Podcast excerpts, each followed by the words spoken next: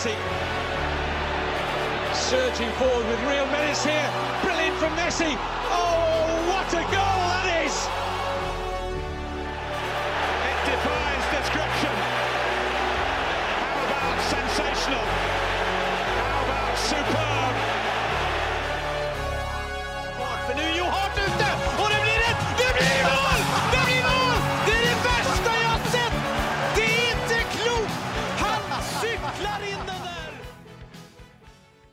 Ja, da kan jeg ønske velkommen til episode 170. Fordi um, Geir Halvor her, som vi har som gjest, han, um, han hadde en quiz som tok nesten en time. Så da måtte vi gjøre den om til uordinær episode, og er dermed i gang med vår ordinære episode 170. Eh, legger du ut den først, da, eller? Eller skal du introdusere Kleiva på nytt? Nei, vi eh, jeg, jeg legger ut den uordinære først. Ja, ikke sant? Ja, men, eh, men eh, for de nye som ikke har hørt ennå, Geir Halvor Kleiva-quizen, så kan vi jo si at det er hyggelig å ha deg med. Jo da. Ja. Eh, vant som sagt en, en dag i studio.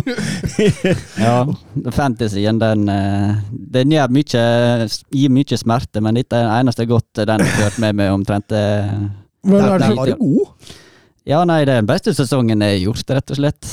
Det som var så kjipt, da, det var at jeg lå vel som nummer én i ligaen bare for eh, noen uker siden. Og så fikk jeg ikke med meg at det, det var fredagskamp, altså fristen var på fredag. Og jeg fikk ikke brukt de to byttene mine, og hele planen gikk i vasken. Det er kjipt. hvem er det som leder der nå? Nei, det er du kanskje ikke. Jeg har ikke sjekka det.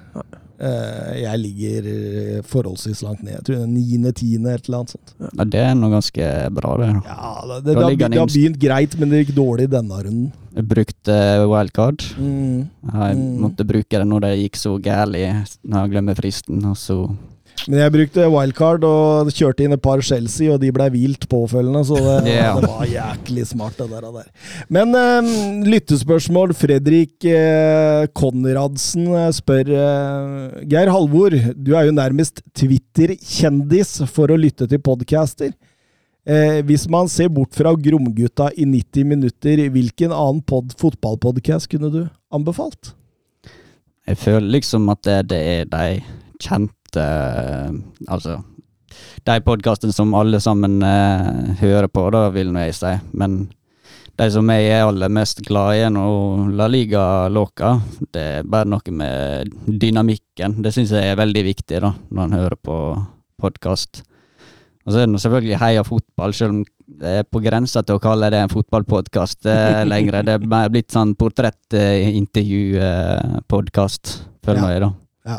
Men eh, jeg, jeg prøvde å trappe litt ned på uh, fotballpodkast-høring og høre på litt forskjellig annet med, for det er blitt veldig mye eh, de siste åra, da, men Du blir lei. Altså, det blir litt dumt når du hører folk si opp at de samme tinga du bare hører det i en annen podkast. Ja. Ja. Så eh, jeg prøver å spre det litt utover. Høre litt eh, Ja, United-podkast hører jeg faktisk på sjøl med Liverpool-supporter. Iallfall når United gjør det dårlig. Da er det ekstra kjekt å gjøre på den podkasten. Akkurat som har du mottak, det. Ja, ja, ja. Men det syns jeg faktisk er en bra podkast med, da. Ja. Ja.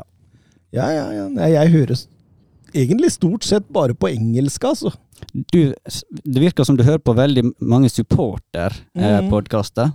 Det syns jeg er ganske spennende at det du tar for deg det laget og det laget og det laget. Og Ja, jeg, jeg, jeg hører mye supporterpodcaster og hører mye sånn, fordi jeg tenker jo det er der på en måte eh, hjertet og sjela ligger, eh, og, og det er de som snakker rett ut og, og det riktige språket, egentlig, rett og slett. så får vi kanskje et ekstra godt innblikk i eh, hva som skjer inne i klubben også, vil jeg tro.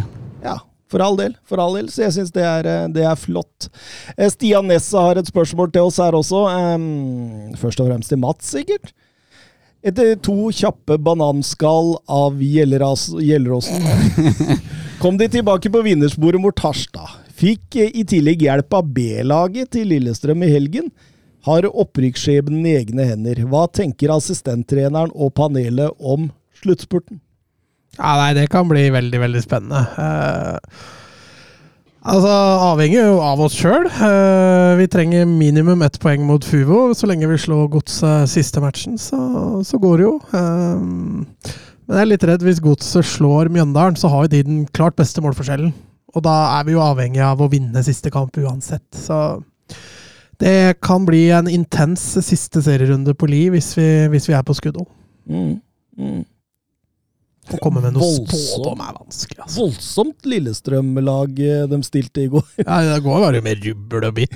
Eh, Røsler, Simsir, Solberg, Helland, Adams, Fridtjonsson. Det, er- det er gave fra Lillestrøm til Gjelleråsen, ass! ja, det er, jeg jeg veit ikke om det var med fordi de skulle hjelpe Gjelleråsen. Det, Det tror jeg. Nei, jeg tipper det handler om uh, matchtrening, altså. Ja, I hvert fall for et par av dem så Ja, handler det om matchtrening. selvfølgelig. Eh, At det er godset som var der, tror jeg er tilfeldig. Altså, hjelpe Gjelleråsen. Altså, når vi møtte Lillestrøm nede i hallen der, så hadde de også med Tobias Svendsen og Pål André Helland og sånn, så de stilte jo bra lag da òg. Men uh, ja, det var den hjelpende hånda vi trengte for å, for å være med i det igjen. Mm. Mm. Deilig. Nei, Gjelleråsen rykker opp, er det ikke det vi sier, da? Håper på det. Krysser fingra. Krysser fingra. Um, nei, vi går bare over til Premier League, vi. Balotelli, Aguero!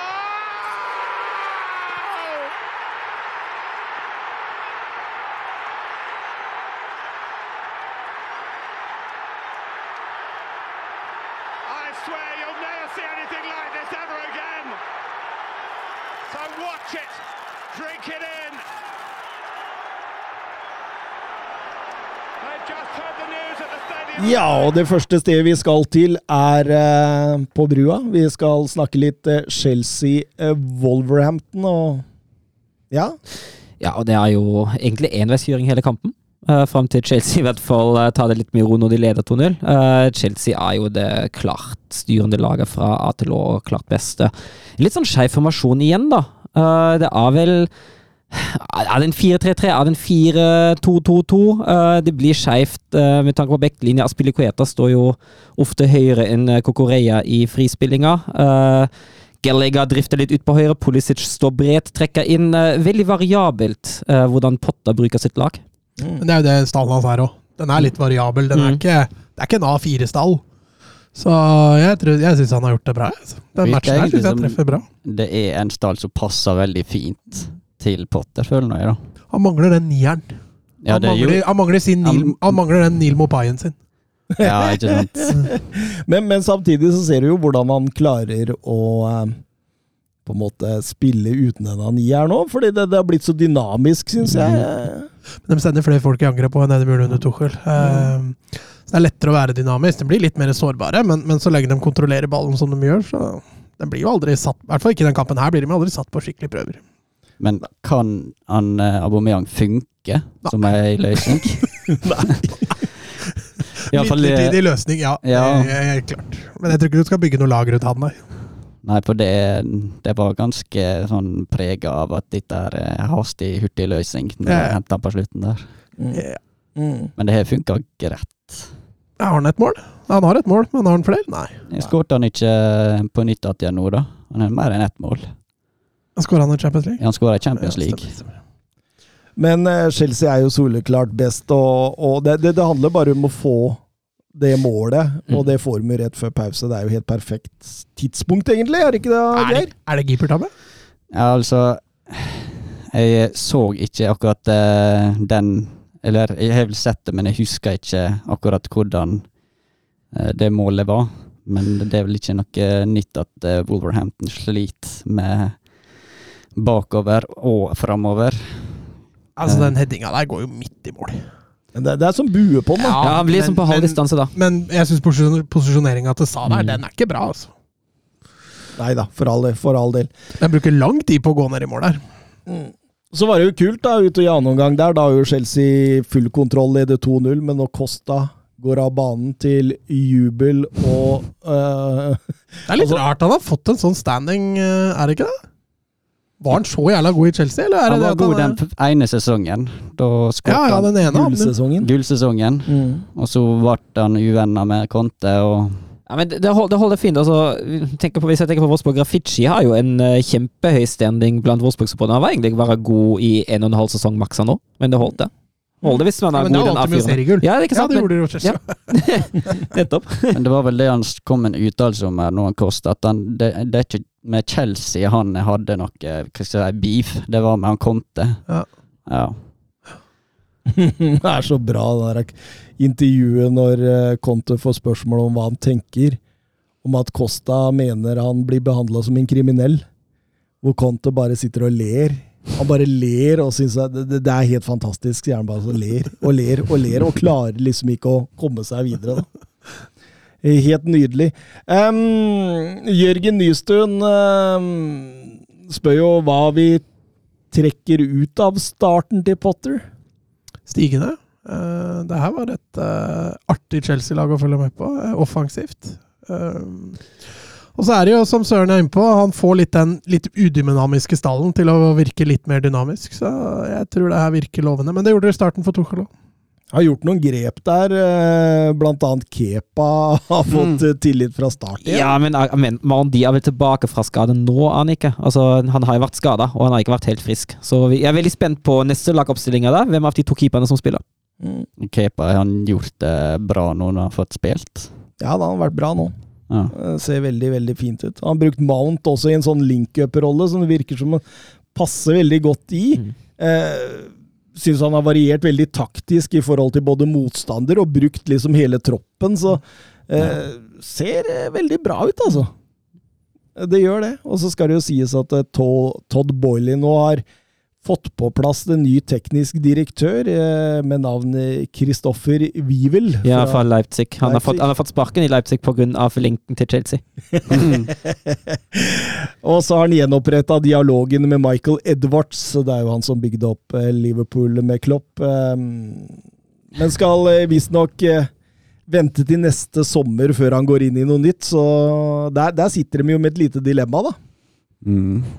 Skal man gå for januarhandling, eller skal man vente på den perfekte sportsdirektør? Januarhandling er uansett, eller bruker å være dyrt.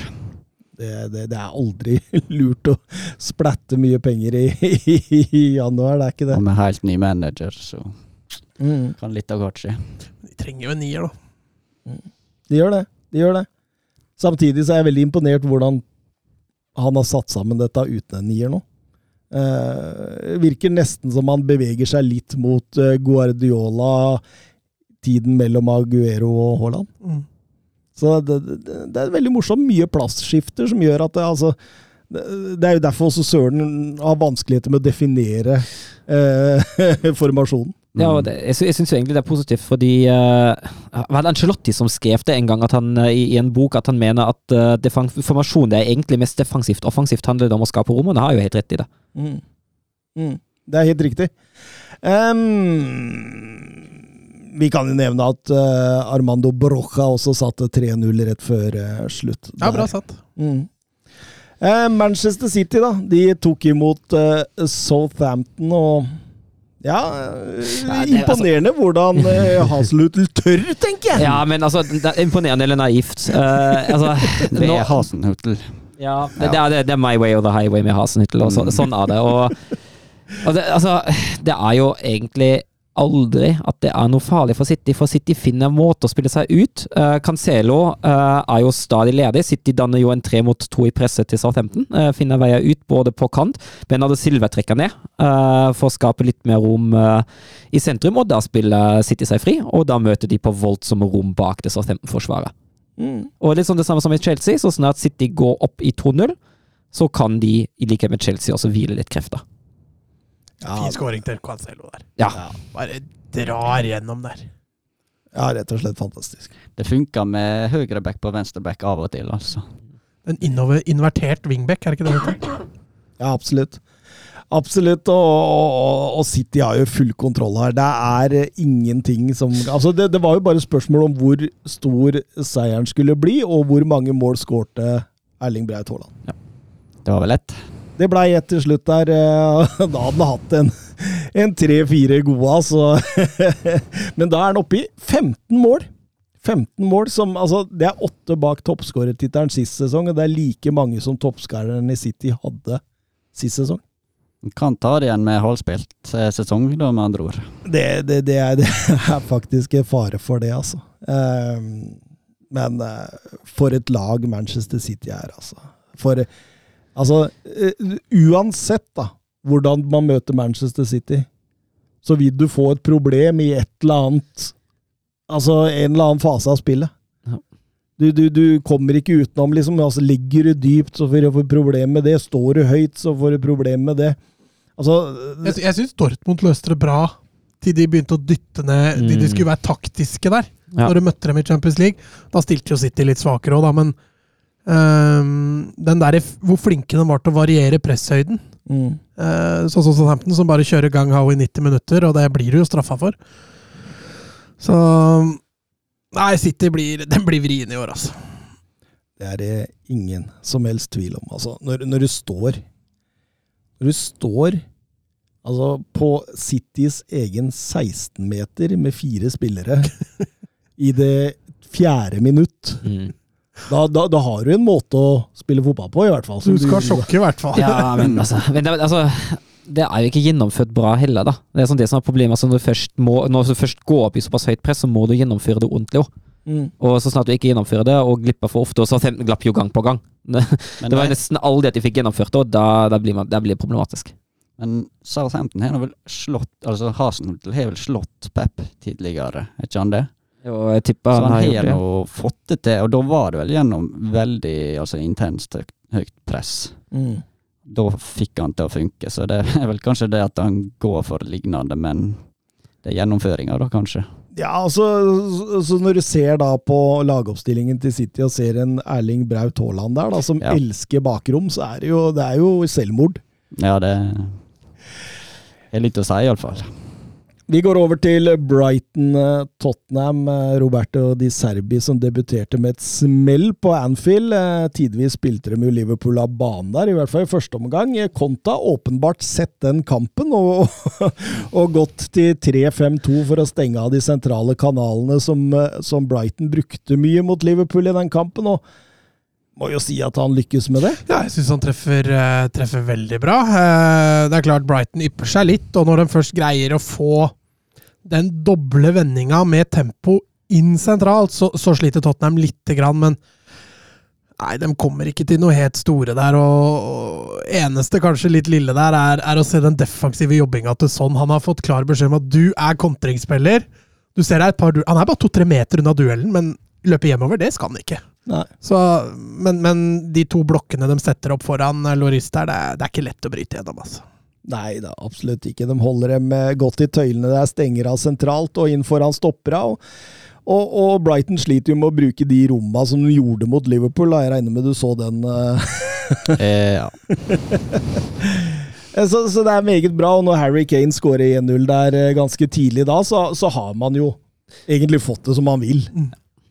Eh, ingen tvil om det. Tottenham eh, helt bevisst på dette, går inn til pause der og legger seg mer inn som klar 5-3-2 der, bare for å ta kontringene utover i omgangen der. og Petter Støvland eh, spør Conte masterclass.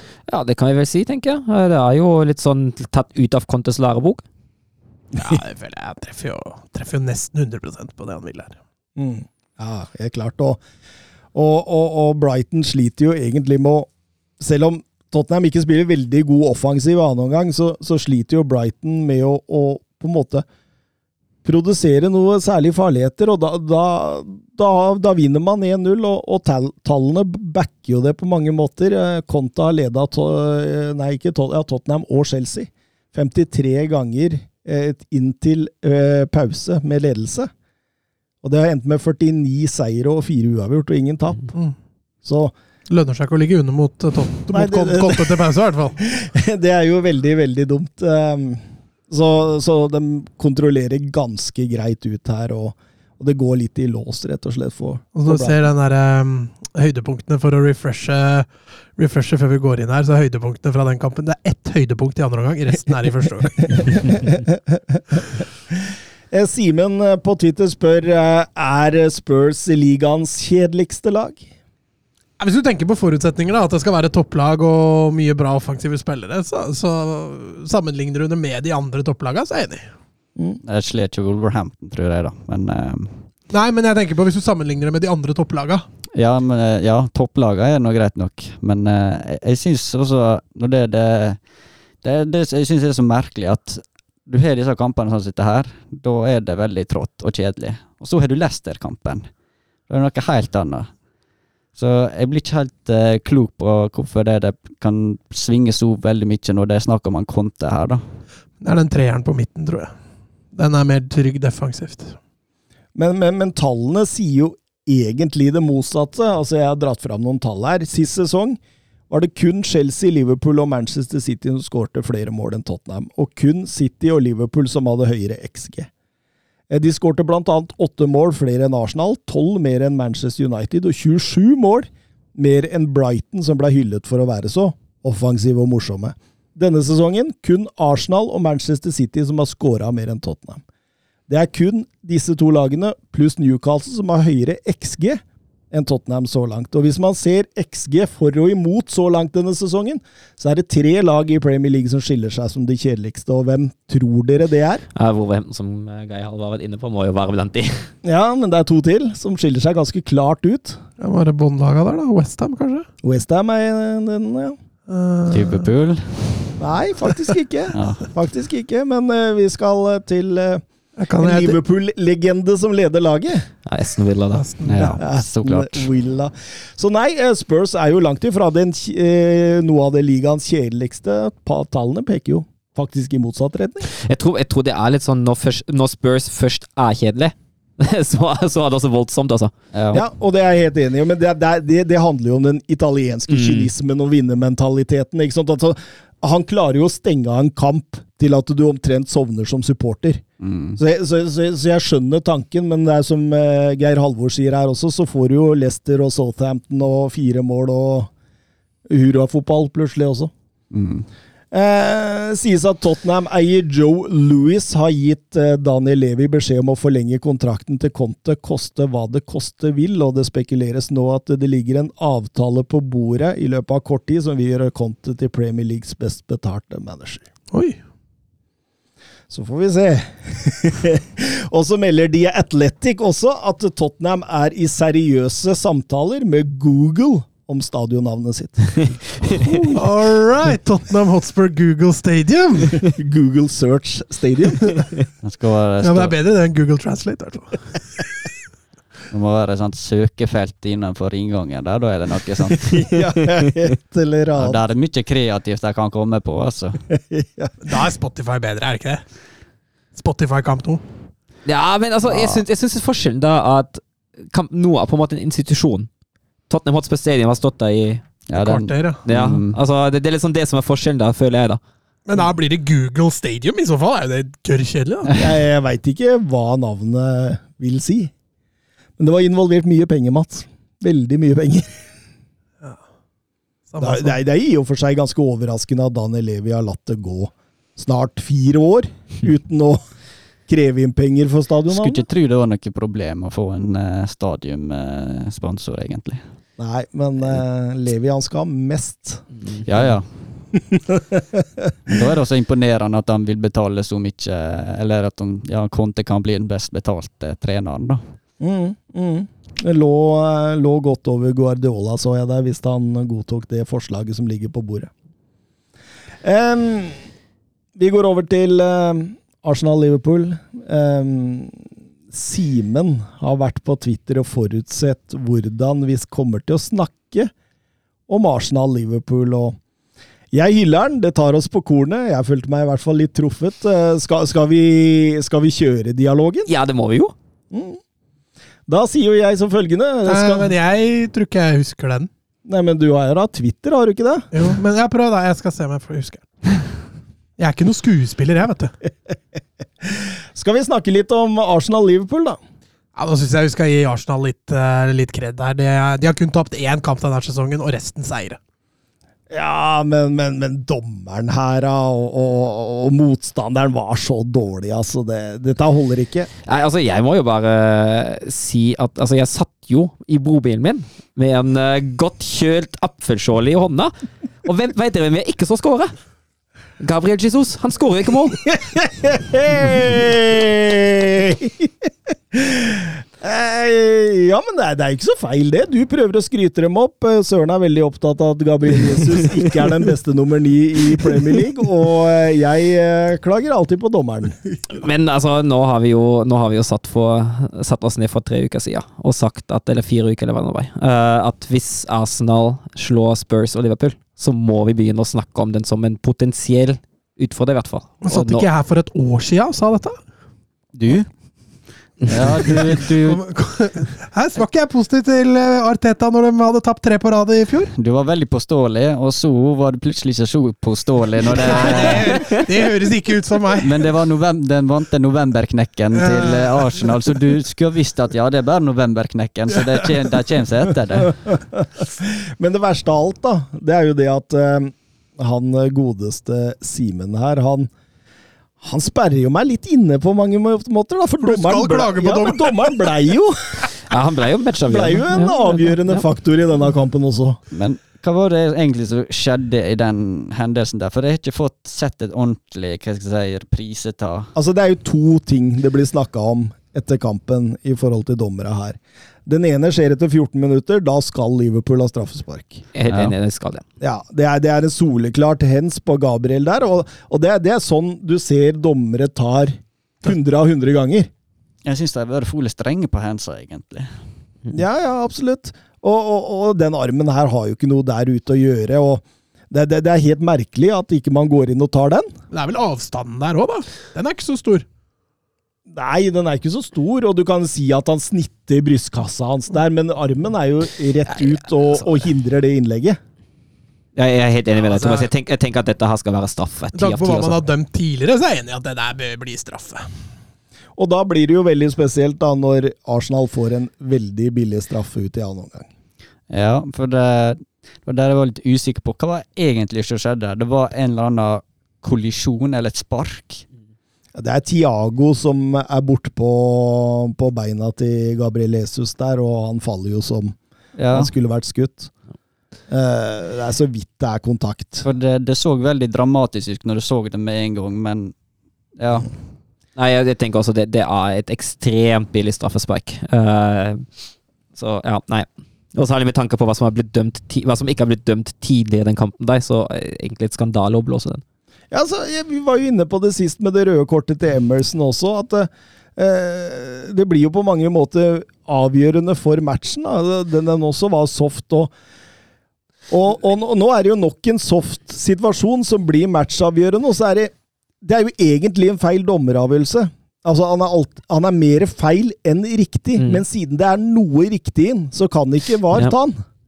Men det er jeg enig i at de ikke skal inn og ta han heller. Jo, det, den burde gå inn og ta den her. For det er Altså, da var det mye er den så clear and obvious? Den er clear and obvious.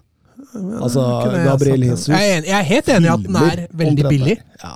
men det er øh, foten på den der, så jeg tenk, tenkte jo umiddelbart at Ja, eh, lenge- VAR kommer ikke til å gå inn. Det tenkte jeg Så, så lenge det var kontakt, tenkte du? Så. Nei, men jeg tenkte at uh, VAR kommer ikke til å gå inn og forandre den. Nei, det, det trodde ikke jeg heller. Men, men er det riktig at det skal drive og Altså, da har vi jo ikke kommet noe lenger med VAR. Hvis ting som er mer feil enn riktig, ikke blir retta opp. Ja, men, Nei, men vi er jo på clear and obvious på VAR. Det har vi jo Nei, snakka om. Clear and obvious, hva, hvor går den grensa hen Nei, da? ikke sant? Men, men det, er, det er jo et problem, ikke sant? Men når, når det er sagt, da. eh, jeg syns jo Arsenal vinner den kampen fullt fortjent. Ja, Eh, for fordi all del. de Altså, salig det som, eh, som leveres uh, første 20, og det som leveres i andre omgang, det er kruttsterkt, altså. Fram til 3-2.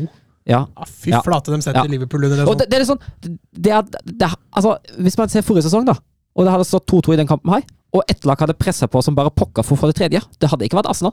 Det hadde vært Liverpool som hadde prøvd å presse på og jage det tredje og ville avfyre den kampen her.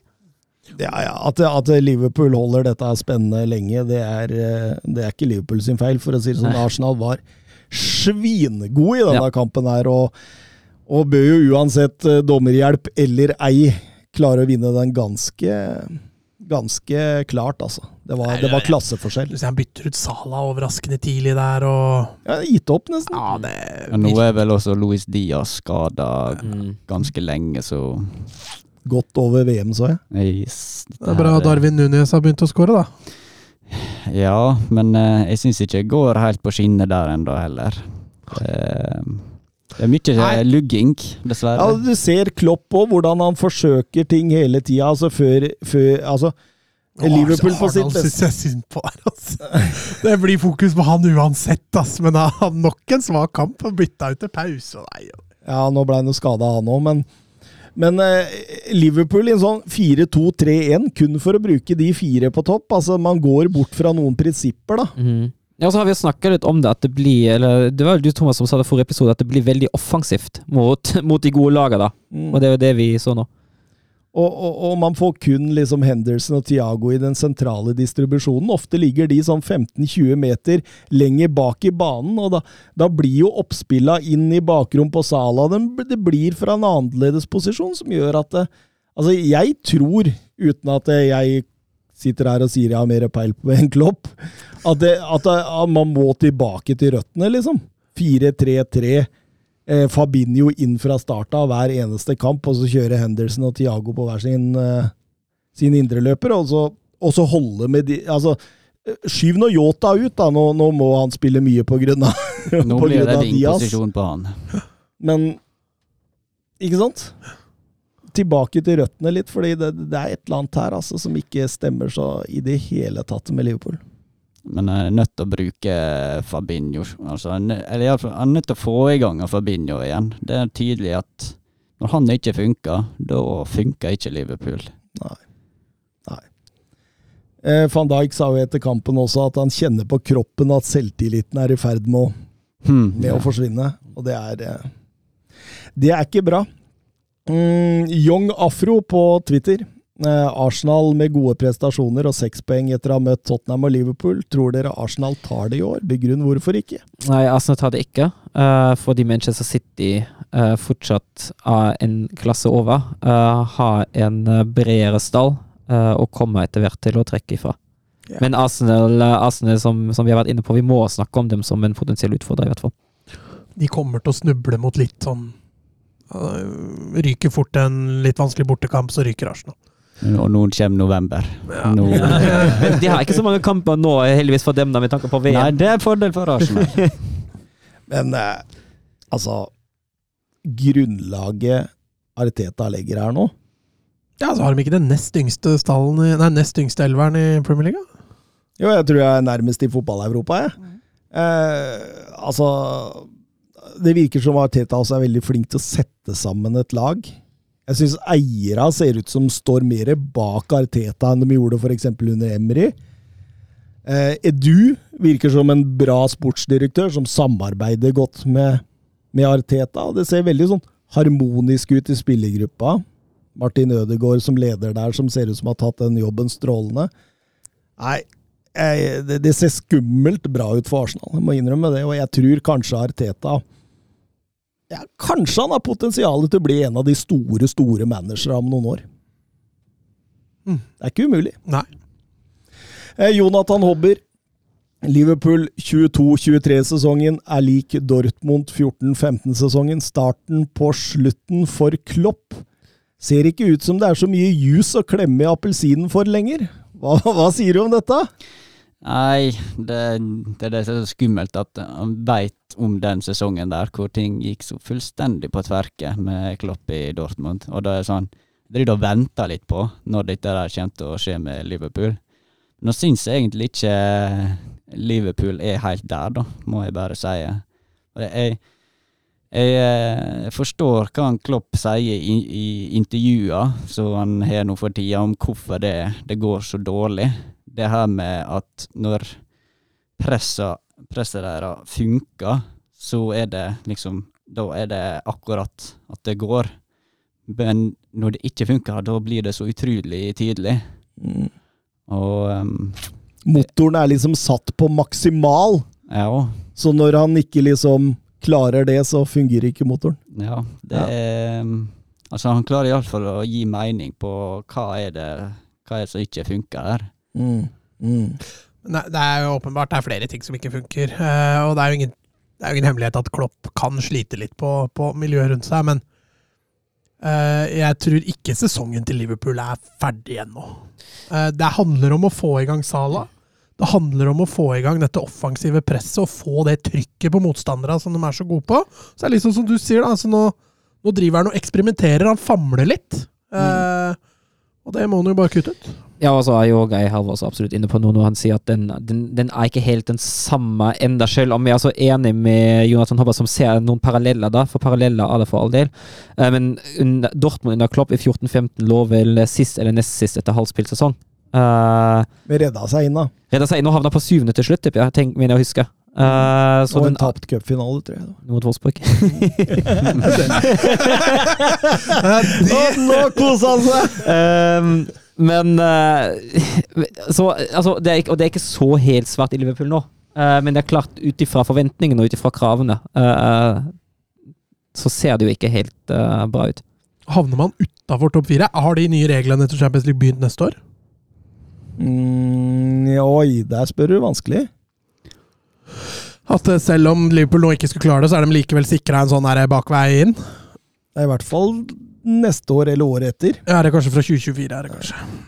Men, men Klopp eh, forlot jo Mainz etter sju og en halv sesong. Han forlot eh, Dortmund etter sju sesonger, og han går jo på den åttende sesongen i Liverpool nå, så, så eh, det betyr om et par måneder så er Liverpool klubben Klopp har sittet lengst i. Eh, Kikka litt på noen tall der også. Eh, sist sesong var det tredje høyeste poengsnittet han har hatt i Liverpool og i sin karriere. Det var forrige sesong. Så, og nå snakker vi ni kamper inn. Vi, ja, krisemaksimeringa, den, eh, den, den bør legges i skuffen enda. Um, men, men så langt denne sesongen, så er snittet det verste han har hatt i Liverpool. 1,25 eh, poeng per kamp, og i sammenligning så hadde han 1,60 i den første sesongen han hadde i Liverpool, hvor han ble nummer åtte. Ja, det er vel også den dårligste sesongstarten de har hatt på eh, ti år eller noe sånt nå, syns jeg Mm. las. Så eh, det er Det sier nå litt, egentlig. Men eh, som du sier, da, at eh, hvor bra de gjorde det forrige sesong, ikke bare i ligaen, men de spilte nå hver eneste kamp som er mulig å spille, for de kom til alle finaler. Mm.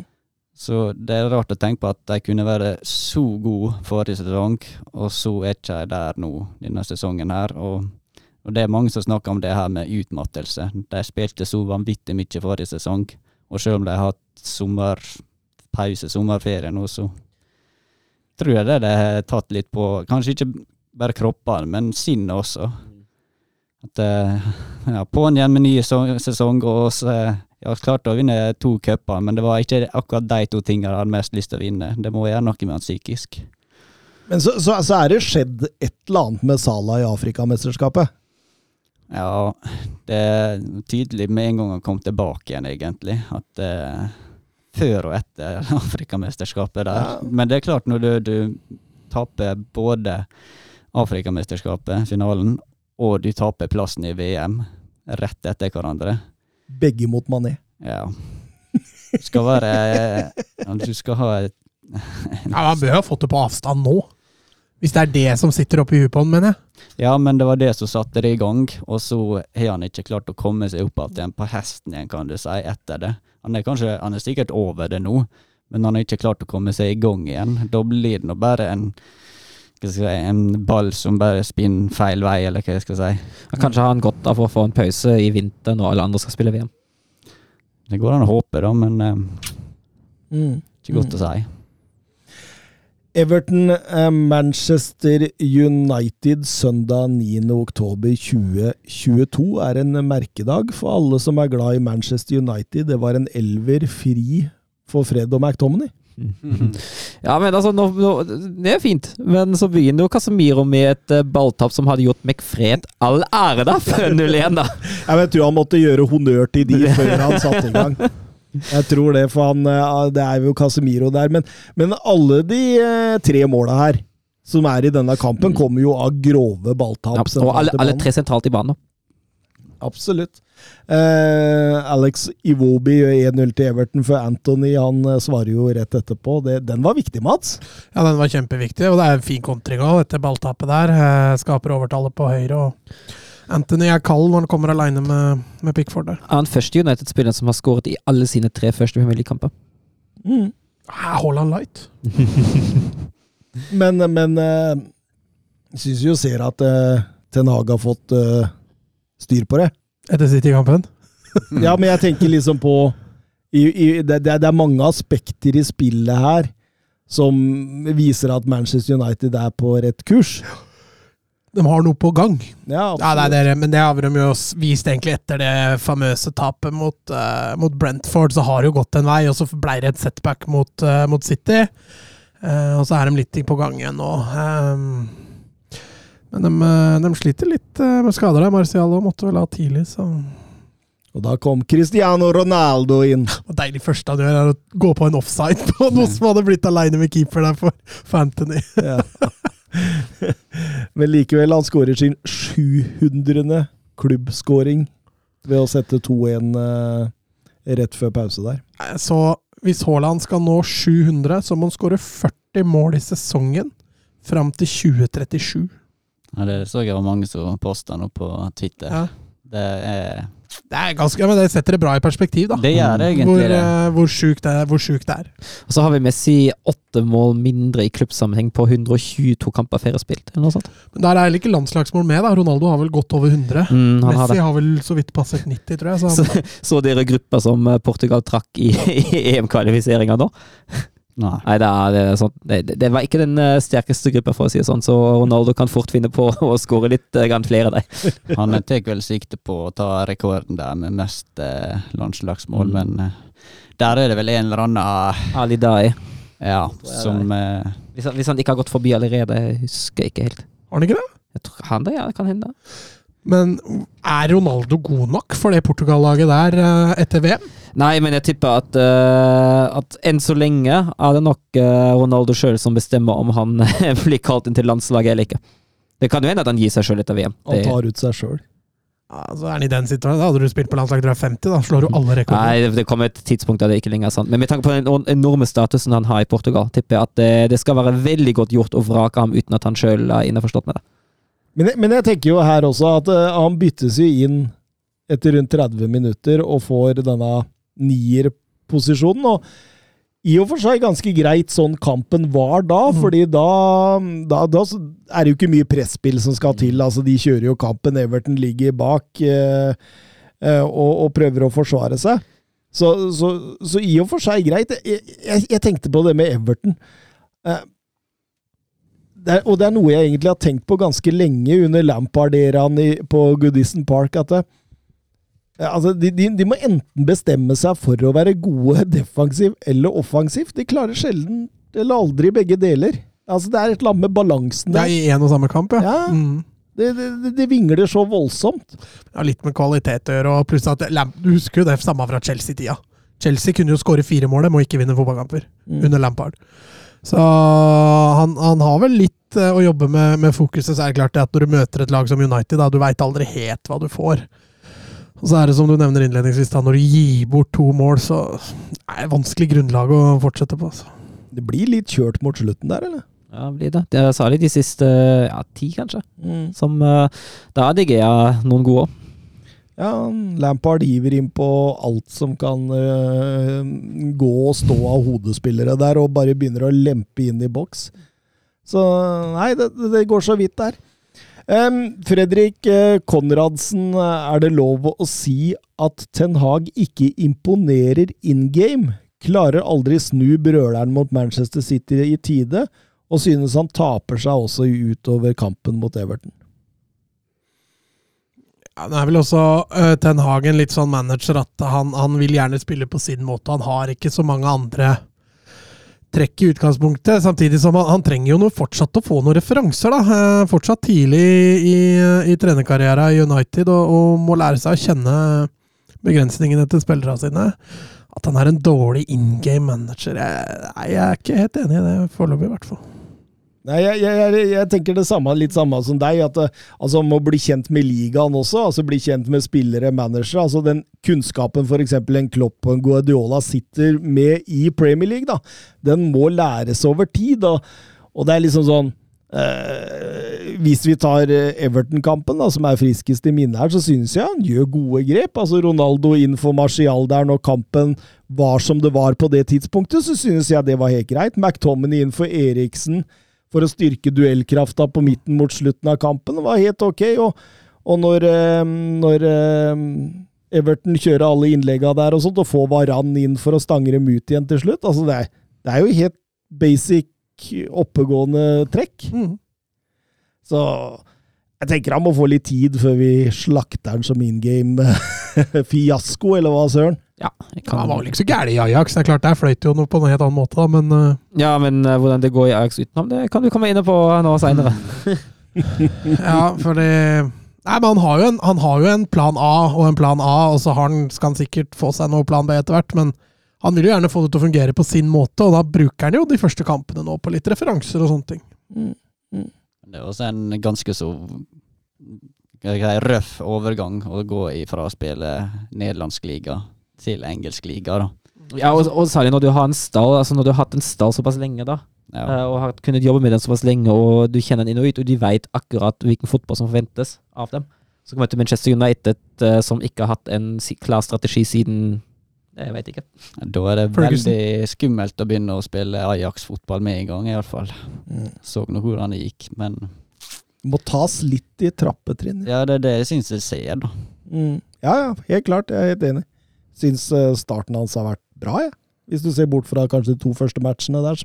Ja, og City var jo en feil. Ja, ja, det er uh. Men men uh, Nei, altså jeg, Han har også noen gode resultater. Arsenal-seieren hjemme var jo, var jo sterk. Uh, så dem- han har litt å vise til allerede. Tønna på Twitter. Um, United burde vel kvitte seg med Ronaldo i januarvinduet. Er jo ikke mulig å slå topplag med han på banen. Hvis Erik Ten Hag hadde fått presset selv med Ronaldo, hvordan hadde det sett ut da? ja, det er akkurat det. Jeg er helt enig. De bør kvitte seg med Ronaldo fort som bare det, og skaffe seg en, eh, en nier som er sterkere i uh, presspillet der. 100% enig. Pluss at kommer en klubb og vil ha Ronaldo som spiller i Champions League, så tror jeg han hopper på det toget. Altså. Ja. Han er, er så gira på å spille Champions Nå ser han Messi tar han innpå sånn sakte, men sikkert. Mm. Eh, Jeg tror det smerter ekstra for han. Eh, Det var vel noen tyrkiske klubber som var i nærheten, han skjønte jeg, men eh, Nei, Vi får se. Jeg tror ikke det er så lett å selge han. Da må United i så fall gi han bort, tror jeg. Mm. Jeg syns han skulle avslutta i sporting. Altså. Hadde han gjort det Da blir det iallfall et svært eh, lønnskutt. Det, det gjør du nok garantert. Han må jo ha tjent nok penger nå. Altså, merker, merker han har bygga opp, kommer til å tjene hoved med penger. Ja, det er det jeg tenker med at nå bør han egentlig drite opp i eh, hva han tjener for klubb. Han Mm. Kommer til å tjene haugevis uansett, av han er der nede. Nå tror jeg ikke Cristiano Ronaldo er noen sosialist, så jeg veit ikke, om, eh, vet ikke om det er tankegangen han har. Nei, det tipper jeg du har helt rett i, Mats. Nå har jeg tjent nok, så nå kan jeg Nei, men han er først og fremst en vinnerskalle. ja. Det er akkurat det at han skal ha disse rekordene. Det er eh, det som gjør at han, eh, han tror jeg ikke Mulig han legger opp i sporting, men det er ikke før om en seks-sju år, tror jeg. Ole Haaland, har Everton fyllet gull i denne Amadou Onana? Har jo vært helt enestående! Altså, det har de, ass. Altså, vi snakka jo litt om han sist sesong også, når han var i Lill.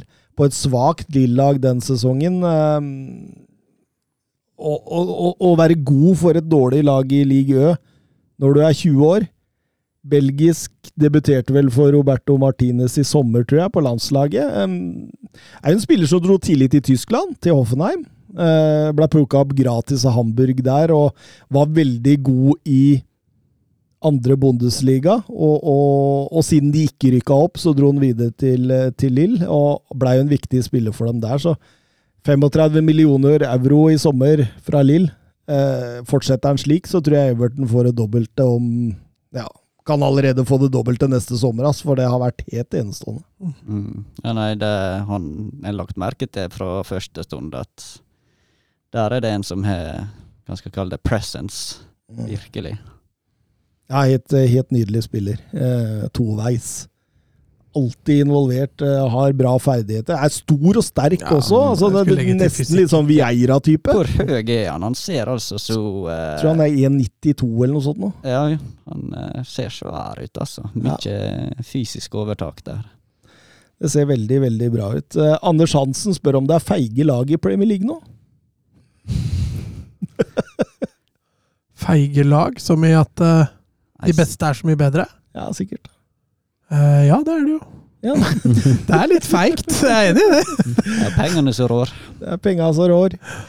Uh, Young Afro, uh, kan dere diskutere litt rundt dommeravgjørelser og VAR rundt Westham, Arsenal og United-kampen?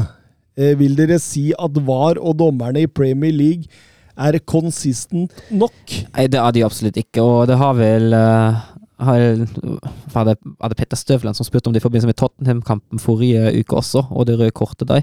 At det er jo litt sånn den uh, consistency uh, som absolutt ikke mangler. Og vi har vel eh, snakket om fravær av en rød tråd på dommer og særlig vareavgjørelser helt siden starten. Uh, og ja, det er kanskje ikke så ille som det var før, eh, men den røde tråden, den er, den er fortsatt Altså, jeg ser, jeg ser den ikke. Jeg ser, jeg ser ikke. Altså, problemet er, særlig med VAI, når du først bruker vei, da må det være en helt klar linje. Dette har er lov, og dette har ikke lov. Dette har tar vi, dette tar vi ikke. Men det, det er nesten som de kaster terning på varerommet. varerommet. Er det, en fire, en fire, en fem eller en sekser, så tar vi det. Er det en ener til tre, så lar vi være. Men er det, er det bedre enn det det var før? Nei, Nei. jeg syns ikke det. Jeg syns bare problemet har flytta seg. Før var det hens vi drev og krangla om. Nå er det andre ting som vi driver og krangler om.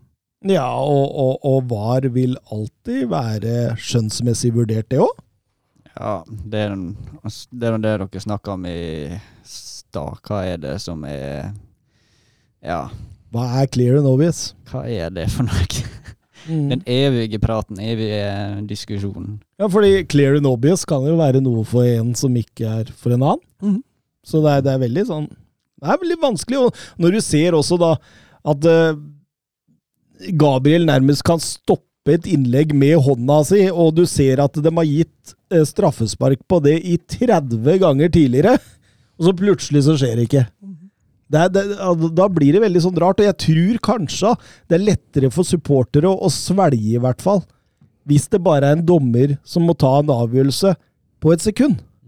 Kontra at man faktisk sjekker dette og finner ut av det. Nei, den. Ikke sant? Altså, det, er, det er akkurat den. Og, da, og, og uten VAR så ville man fått den mer igjen, den spontaniteten. Altså, du ser jo det er spillere nå som kvier seg for å feire. Ja, ja. Du ser jo også Ronaldo-skåringa mot Everton. Han tar ikke den vante skåringa, for han er ikke helt Mm. sikker på om det blir mål. Så Nei, det er litt synd. Og samme med for supportere òg. At du jubler jo når de skårer, men du, du, noen ganger må du holde igjen. Må vente om det, vente til etter det er sjekka. Så jeg er fortsatt på det at man kan godt bruke VAR, men da må man gjøre det på ting som er svart-hvitt. Skal vi nevne også litt om Newcastle. Er i full fart på vei oppover nå og truer europaplassene. En, en Jim Mares der som eh, er helt enestående nå. Er Sant Maximæ snart tilbake igjen også? Han fikk vel Mm. tolv minutter denne kampen? Han er en sånn spiller som han gleder seg til å se igjen. Ja. Men eh, jeg er litt sånn spent på med Eddie Howe, da. Altså Kommer de til å sete med nå hvis det fortsetter å gå riktig veien? Altså det, det, Og hvor lite er det som skal til for at det, de kommer til å prøve å få et større navn? Altså hvor Jeg tenker når utviklinga stopper under ham, da. eh, når det taket har nådd, da tenker jeg at eh, man eh, begynner å se seg et, om et helt nytt navn. Men så lenge utviklinga fortsetter riktig vei Jeg, jeg tror uh, de har en liste over spillere, nei, managere. En svært kort liste. Og hvis en av de blir klare, eller mulig å hente Altså, det, det blir litt det samme som at uh, hvis du er singel og ikke vil være singel, så, så møter du en jente som ikke passer deg helt greit, men jeg vil ikke være singel, så, så jeg møter hun, men i påvente av å, å finne en, en, en, en bedre jeg,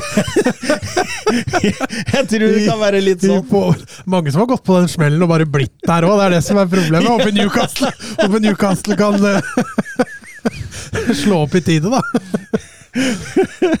Men tror dere at Eddie Howe er kapabel til å ta dem til en topp fire-plass med tida? Altså i løpet av et par sesonger? Nei, det tror jeg ikke.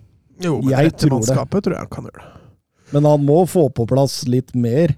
Men altså at, eh, at Eddie Howe kan spille angrepsspill og Ja, spille overganger, det er jo ingen tvil om. Og han er jo en, en dyktig Altså, det er, det er ikke så lenge siden Arsenal ville ha han. Mm. Det er ikke veldig lenge siden. Nei, han virka altså veldig teoretisk sterk, men Mm. um, Dersken han gikk på noen store blemmer med Bournemouth av og til, men det kan hende det var litt for stor naivitet, rett og slett. Det var nok det. De angrep jo for alt det var verdt, de, og det hadde jo ikke heller det beste grunnlaget. Altså, eh, Steve Cook og, og, og gjengen baki der, det var ikke det var ikke så lett, det. Nei, altså forutsetningene for å gjøre det bedre med Newcastle er jo mye større. Så at eh, Nei, hva var det, Hvilken plass var det vi hadde dem på? Sjuende? Åttende? Ja, jeg tror det var noe sånt. ja. Jeg tror det er veldig bra. jeg. Mm. Jeg tror i hvert fall ikke de gjør det så mye dårligere. Nei, eh, skal vi gå over til La Liga? Ola.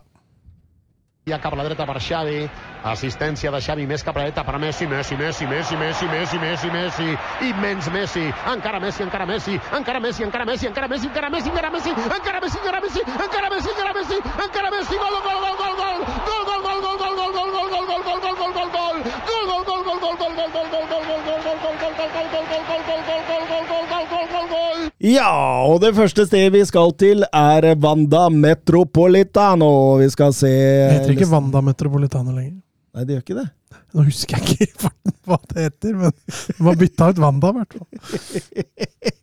Ja, den var fæl. Den var fæl. Ja, det var- på det Det er verre enn Vardi.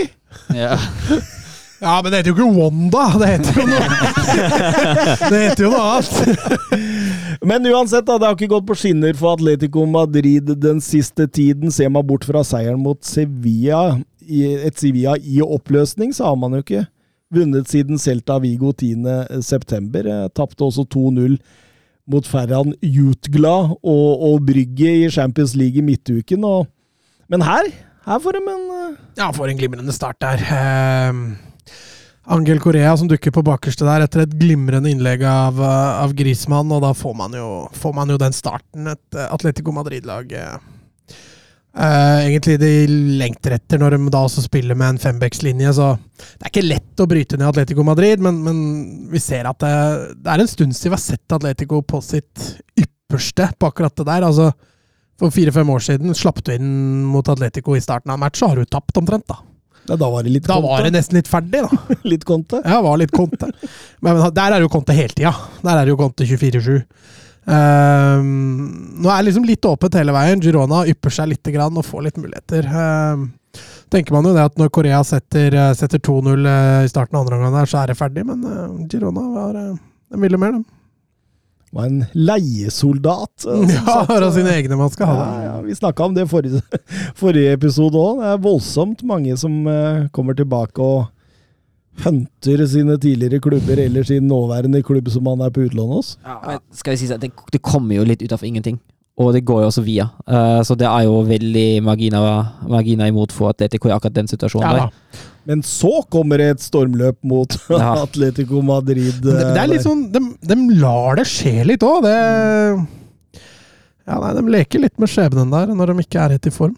De har noen store, store sjanser. Jan Oblak er det, Ja, den ene redninga han har, det langskuddet han redda i stolpa der, den er fryktelig sterk. Det er gode, gamle Oblak. Ja. Det var Oblak tilbake i, i prime, ja. Ingen tvil om det. Eh, og, og Stuani der hadde vært morsomt om godeste Stuani hadde satt. Sjuende far i huset hadde jo avgjort det der, ja. Men, eh, men, men de klarer å ri det ut, og, og, eh, og så er det jo også glede med at eh, Barcelona og Atletico Madrid har kommet til en løsning rundt dette. For da kan Grismann begynne å starte kamper igjen. Er det kommet til løsning? Ja, det. okay. 20 millioner pund og Nei, 20 millioner euro Ja. og 4 millioner add-on, så glemmer man alt som heter Minutt. klausuler. Tenk deg det. Ja. Hvor lenge har han vært i Barca? Fem år? Tapt, tapt 100 millioner. Å, fytti grisen. Og det var ikke all verden man fikk tilbake sportslig i løpet av de åra heller. Nei, absolutt ikke. Um, Sevilla, Athletic Club. eh, Sevilla som sparka Lopetegi eh, etter å ha blitt smadra av Dortmund i, i Champions League. Eh, Sampaioli inn der nå. Ja, det var, det var litt kult. Måten, altså, Lopetegi og fansen etter den Dortmund-matchen ble liksom hylla litt. Alle skjønte at nå var det slutt. Eh, Så han fikk en, eh, litt, eh, fikk en hyllest der etter den Dortmund-matchen. Eh, vel fortjent. Det han har gjort for den klubben, er, er, er stort. Og så var det på høy tid at han At de trenger noe friskt, friskt inn der. Nå skal det sies, også fansen har jo også sagt at de, de skylder ikke på Lopetegi for den dårlige starten. Det er Det sitter på styrerommet, og, men man trengte helt klart noe friskt inn. Og San Paoli er definitivt frisk. På alle mulige måter. Yes, I dobbelt forstand. Men, men, men, men litt artig, da. At du forlater en klubb i, i litt sånn sinne fordi klubben ikke matcher dine ambisjoner. Så drar du til en klubb som har solgt seg fullstendig ut! Jeg føler kanskje han har noe uoppgjort der. da. Hadde jo en glimrende sesong første sesong, og så var det slutt eh, sesongen etter. Så Dro vel til Argentina, da? Gjorde han ikke det? Etter Jo. tok han ikke over noe landslag eller noe sånt? Eller- Argentina. Ja, stemmer. Um, nei, så, men, men San Paoli er jo en, er et fyrverkeri å få inn igjen. Eh, det er jo en uh, Simione 2-0 når det gjelder energi på sidelinja. Og så er den jo selvfølgelig en litt annen stil, men uh, Og den førsteomgangen til Sevilla, det bærer jo, bærer jo frukter på en bedre tid for, eh, for Sevilla, for det, det var litt mer krutt offensivt, i hvert fall. Sånn, og sånn tenker jeg inngangen bør være òg, når du har såpass mye høler defensivt. Så ut som han hadde frigitt litt energi der i første omgang. Det er vel akkurat det de trenger nå, det er å bare få inn masse energi. Få i gang det offensive. For det, det var nå det defensive som funka så bra eh, forrige sesong. Når de skåret nå ikke mye mål. Så Ja, Så var jo Marcao inn i elveren igjen, og, og Kouassi, og det var vel egentlig de to som er henta inn som erstattere eh, for eh, Carlos og, og Condé. Og det er første gang de spiller sammen i år, eh, fra start. Så Hadde jo gjort en hel del forandringer. altså Mange av Lopetegi-favorittene var jo benka. Suso, Delaney, Navas, Bono, keeper. Eh, Rakitic, Enesiri. Det var jo mange av de han Lopetegi brukte mye, som rett og slett var henvist benken. ja, nå, de du nevner nå, har ikke spilt så mye i år, da, men ja, favoritter fra tidligere. Eh, at Rakitic har jo ikke spilt så mye i år. Navas, eh, som du nevnte, satt jo på benken. og men eh, det blei hardt utover i matchen. Avslutninga til Bilbao den var kruttsterk, og det kunne de, og kanskje burde ha fått med seg mer. Mm. For de blei ordentlig kjørt på slutten, Sevilla. Ja, absolutt. Eh, Mikkel Veska ga eh, Reduserte. redusert Ja, utligna. Ja, utligna. Utligna. Skal jeg rette på deg også? Så går det rett. Og og, og da, da presser jo Atletic Club voldsomt mot slutten der, og, og Ander, men Ander Herrera pådrar seg likevel et rødt kort for kynisk felling av Erik Lamela der. Ja, hva, da var Vari på banen. Ja, og der gjør de jo helt riktig, Ja, ja. jeg tror Lamela setter den, jeg. Ja, men jeg, jeg tror jo også det er Altså, jeg tror Herrera gjerne tar det røde heller framfor straffe og gult. For det var jo det som var alternativet. Mm. Jeg tror han redda et poeng. Ja, for, eh, Han tar jo dommeren i hånda etterpå der, så sier vel takk, takk skal du ha. Eh, men dermed har Sevilla ikke vunnet noen av sine fire første hjemmekamper. Man må tilbake til sesongen 96-97 for å finne verre tall enn de har så langt, tror du? Ja, Det kom vel et spørsmål her nå fra Torjus Hansen. Eh, bare ti poeng opp til en fjerdeplass nå for eh, Sevilla. Kan Sampajoli redde det inn og ta den siste åpne fjerdeplassen likevel? Det var jo markant forbedring, skriver han. Ja, men jeg er spent på hvor lenge Altså, det er litt sånn typisk eh, trener det her som kan gjøre at de kommer til å gå tom på våren, føler jeg. Litt sånn som Bielsa. Eh, de kan fort eh, hoppe oppover tabellen nå, men eh, Nei, jeg er ikke sikker på om det de klarer å holde seg der oppe på slutten av sesongen, altså. Ja, så er det Det er mye lag de skal passere på veien i tillegg, da. Altså, nå er det Bilbao, da, som kanskje litt overraskende ligger på denne tredjeplassen. Og så skal de jo forbi Atletico, Betis og Sociedad og Villarreal og alle disse som allerede ligger et stykke foran. Men altså, nå ligger faktisk Sevilla ligger på nedrykk, altså. Det er, det er ganske sjukt å tenke på etter åtte kamper. Helt klart. helt klart. Det blir spennende å se. Um, Real Madrid var på besøk eh, i Get Haffe og fikk en fantastisk start på kampen. Og så ja, nå var det nesten som at de slo litt av. Ja, men altså, mot Taffe lage deg. Altså, du, Real leder 1-0, som du sier. Tre minutter, Militao. Og så ligger Getafe i en dyp 5-3-2 nesten unntaksløs hele kampen. Jo, de blir jo ikke mer offensive i det hele tatt. Nesten som de nøyer seg sånn. At ja, ok, nå møter vi Real Madrid hjemme, det blir 0-1. Det er helt ok. Altså, Det er fryktelig å se på. og Real eh, kontrollerer kampen, skaper litt flere sjanser. Det er ikke noe fyrverkeri, men Real har jo ingen problemer med å cruise det her inn. Og, og, og jeg er helt enig med deg, og det som er greia, da, det er jo det at eh, i en 5-3-2 Det går jo an å være farlig i en 5-3-2, men altså her spiller man 5-3-2 uten noen utpreka kontringsspillere. Altså, de har oppspillspunktet i Enesonal. Eh, men de har få løpere rundt han. Det betyr at det tar ganske lang tid fra de vinner ballen, til de blir en potensiell trussel for Real Madrid. Real Madrid blir aldri tatt i ubalanse, rett og slett fordi de har altfor god tid i den omstillingen der. og Jeg hørte kommentatoren på TV 2, han sa at det er så gode avstander i Forsvaret, så gode sikringsforhold. Ja, selvfølgelig er det det, når det tar et kvarter å komme seg opp fra 16-meteren og inn på Real Madrid sitt banehalvdel. og Da kunne jo et helt forsvar med Harry Maguire hatt gode avstander og, og, og, og sikringsforhold. Altså, altså, og når da Real Madrid har så mye ball som de har, så sier det seg sjøl. Altså, Getafe kunne spilt ti uker her uten å skåre mål. Og ja, Den prøver litt på slutten, da gjør de et par offensive bytter, men, men det hjelper jo ikke. Altså, de, de får jo ikke inn noen tempospillere, ingenting. og Nei, Real Madrid var aldri trua her, og det blir jo til slutt egentlig en veldig kjedelig fotballkamp. Ja, absolutt. Absolutt. Det, det, det, det var tre poeng de henta der også. That's it, Job liksom. well done, liksom. Ja. Og ut, uten å bruke for mye energi. Og uten Ja, å bruke. Benzema.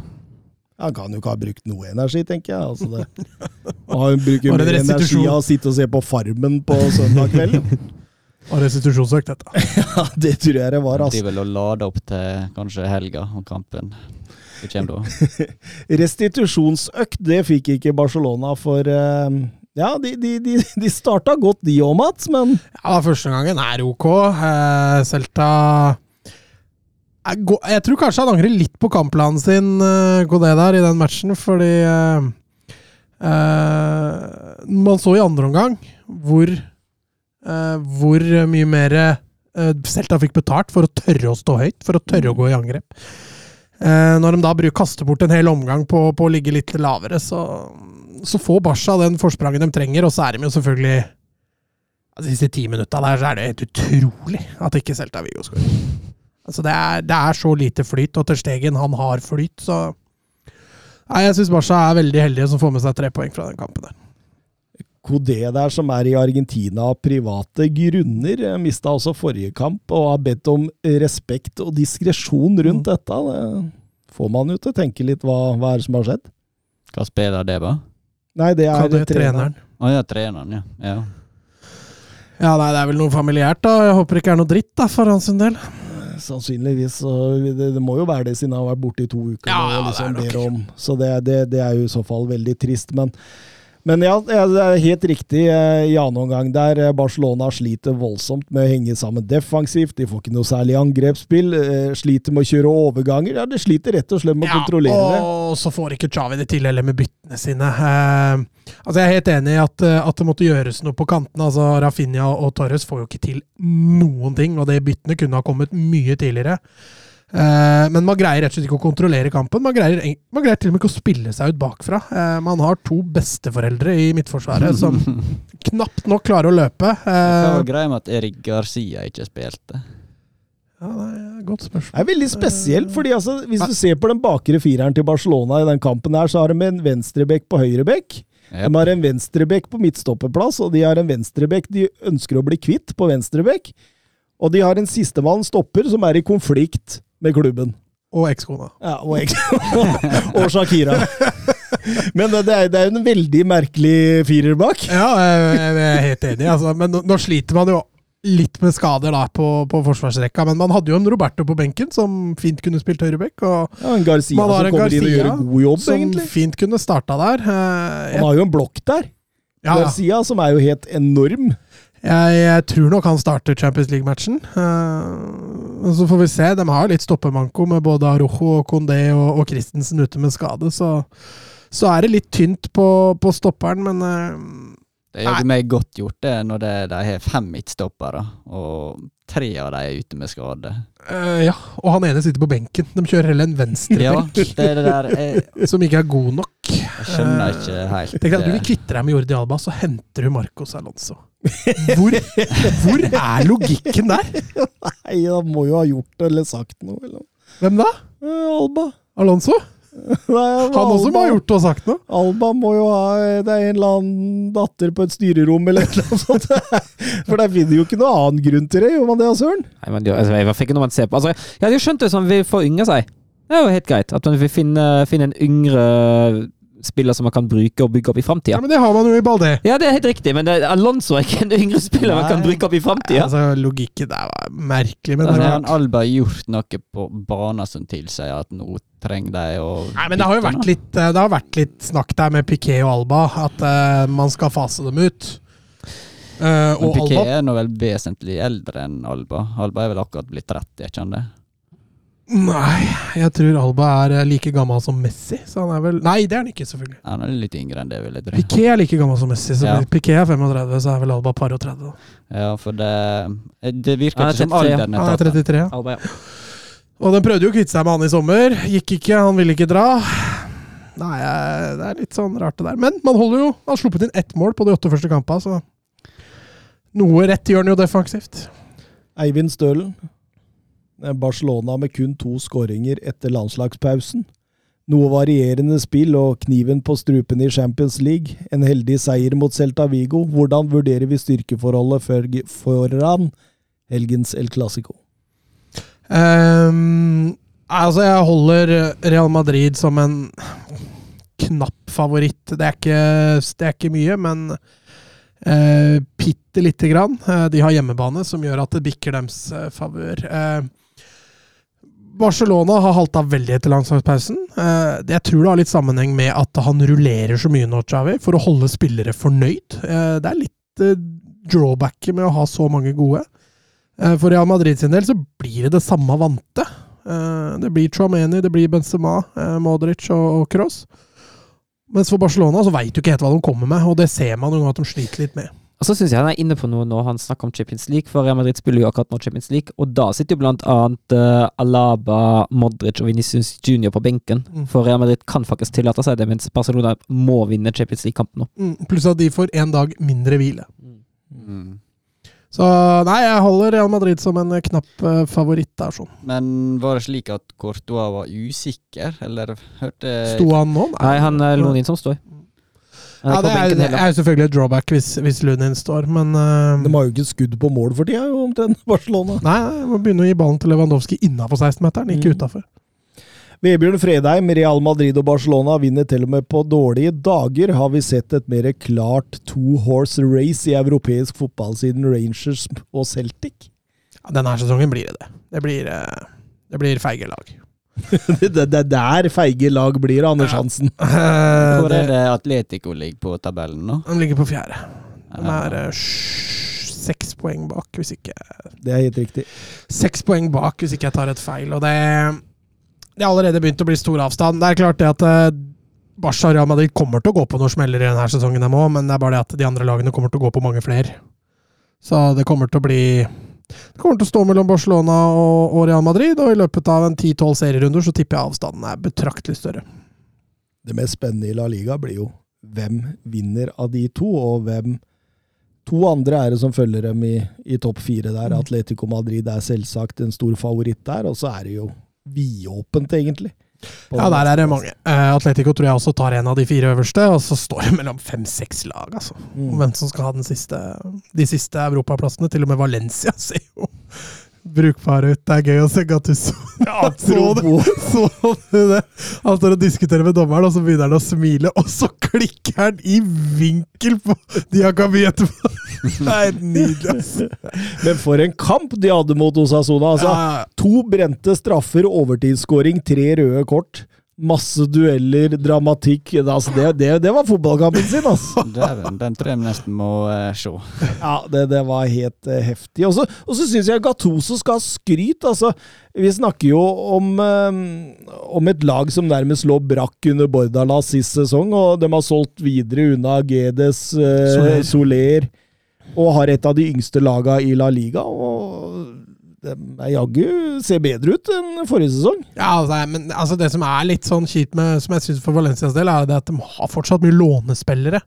Så De må hele tiden fornye seg. da. Eh, så Det er vanskelig å bygge noe sånn sett, men det kommer en veldig bra generasjon nå eh, nedenifra fra Valencia. Så hvis de greier å beholde disse, og ikke selge dem for slikk og ingenting til PSG og City og disse her, så, så kan det bli noe bra på sikt i Valencia. altså. Så får vi se om Gattusso greier å lære seg noen spanske gloser etter hvert. Så skal jo også ta med at uh, Betis spilte uavgjort, og Villarreal tapte mot Real Sociedad. Sånn at de laga også, det er vel bare Sociedad da som på en måte holder følge. Ja, Betis ligger jo A-poeng da med Atletico eh, og Sociedad, så de eh, Så det er, det er tre lag der på 16 som er poenget bak Atletic Bilbao, så Nei, det er jevnt. Eh, ok, eh, Geir Hallor. Hvilke to lag, topp fire, La Liga, som følger Real Madrid og Barcelona til Champions League? Jeg, eh, jeg syns det har vært artig med Villarreal og Real Betis, da. Det, men det er helt klart at Atletico blir noe å finne der oppe. Men eh, om Emery klarer å ta den fjerdeplassen, Jeg har litt trua på det. Ja, Men Bilbao har sett veldig bra ut, da. Jeg tror ikke vi skal avskrive dem eh, Det er klart, hvis en av, det er en av Williams-gutta blir skada, så er de litt i trøbbel, men eh, Ja, de, de er veldig avhengig Mm. av eh, de viktigste spillerne sine. Ja, de har en tynnere stall, det, det har de helt klart. Men, men det de har vist til nå, i hvert fall, ser veldig lovende ut. Og disse Williams-brødrene, eh, iallfall han eh, mest kjente, Mm. han blir nå aldri skada, så eh, Nei, det, den rekorden er sjuk, ass. Ja. Selv men når han gikk ut med strekk, så var han på plass igjen uh, uka etter. Ja, men med tanke på åssen spilletype han er òg, da. At han aldri er skada, liksom. Men søren, Real eh, Sociedad eh, Kan vi avskrive dem fra topp fire, eller? Nei, ja, Vi vil ikke avskrive noen nå. Det er jo vidt åpent akkurat nå, som, eh, som Mats har sagt. Det er flere og flere lag som kan kjempe om den, så alt er mulig. Og det, det er litt gøy, da. At man har voldsomt med spenning om egentlig flesteplassene, da. Jeg tenker jo altså Brais Mendes, som har vært helt strålende for dem nå. Eh, Sørloth ser ut som glir fint inn der. Eh, Oyar Sabal skal være tilbake i november. Altså, det Nei, altså, Sociedad skal ikke avskrives. Det er som du sier, altså, Atletico Madrid tør jeg tar den ene, så er det fire-fem stykker som kan Skal ikke helt avskrive Sevilla heller, hvis San Pauli får dette til å gli, men uh, de har litt å hente igjen. Vi går over til Bundesliga. Er macht ein richtig gutes Spiel. Jan Schimonek. Die Wolfsburger lassen so gut wie nichts zu. Grafit. Grafit gegen Lell. Jetzt wird's eine Demütigung. Guckt euch das an. Bist du verrückt? Bist du verrückt? Tor des Jahres. Die Bayern der Lächerlichkeit preisgegeben. Ja, og da begynner vi med Wolfsburg, da, Søren. Ja, Bortekamp eh, mot Augsburg. Uh, havna under et voldsomt press tidlig. Eh, Augsburg styra klart de første 20 minuttene. Uh, pressa høyt. Uh, slipper ikke Wolfsburg ut i det hele tatt. Um, etter, kunne fint ha skåra 1-0 i den perioden. Castells har en uh, enorm redning. Det var litt, jeg tror kanskje til og med kommer fra egen spiller. Um, men enormt redda. Etter hvert får Wolfsburg brukt Arnold sentralt litt mer, og Arnold uh, fungerer meget bra i frispillingen, så man får løst seg litt uh, fra det presset da, og kampen blir litt mer åpen. Eh, og inn i den fasen da det Janne Gerhardt som skårer 1-0. Uh, Jago som går i press i rykk, forlater posisjonen sin. Uh, ballen blir spilt tilbake. Demirovic klarer akkurat ikke å bryte passingen tilbake, Bako, som får ekstremt med rom. Uh, ser ut som at han venter for lenge, men eh, slår en eh, fantastisk pasning til Gerhard, som får åpen kasse og setter 1-0. Etter det ble kampen faktisk litt hektisk. Jeg har et lite håndgemeng som eh, bryter ut eh, fem minutter før pause. Eh, årsaken er et gult kort til Augsburgs Bauer. Og da begynner folk å fly tottene på hverandre, ender med hele fem gule kort Eh, pluss Bare det på den situasjonen. Bare den situasjonen, pluss det til Bauer. Det er Kovac eh, og Augsburgs sportssjef Reuter som får hver sine gule, og så er det Roveleo, Grueso og Otavio som får det på banen. Så hagler litt kort. Um, etter pausen syns jeg Wolfsburg starta best. Har noen sjanser, særlig etter innlegg. Uh, kommer seg godt til, til mulighet i boksen, uh, men blir pressa litt mer tilbake etter hvert. Uh, og Gomni skåra da 1-1 i kjølvannet av en corner ti minutter etter pausen. Og Augsburg er i en periode nå klart best, uh, fram til Wolfsburg mot slutten skaper litt sjanser igjen. eh, igjen særlig etter innlegg. Gledelig at uh, Lukas Nemetsja ble bytta inn igjen og er tilbake. Så ryktes det at uh, Jonas Wind nå skal være tilbake eh, mot uh, Borussia Mönchenglattbach neste helg. Eh, alt i alt vil jeg si en eh, fortjent poengdeling, men eh, klart med ni poeng etter ni kamper, så er ikke bekymringene blitt eh, voldsomt mye mindre siden sist. Men eh, ja.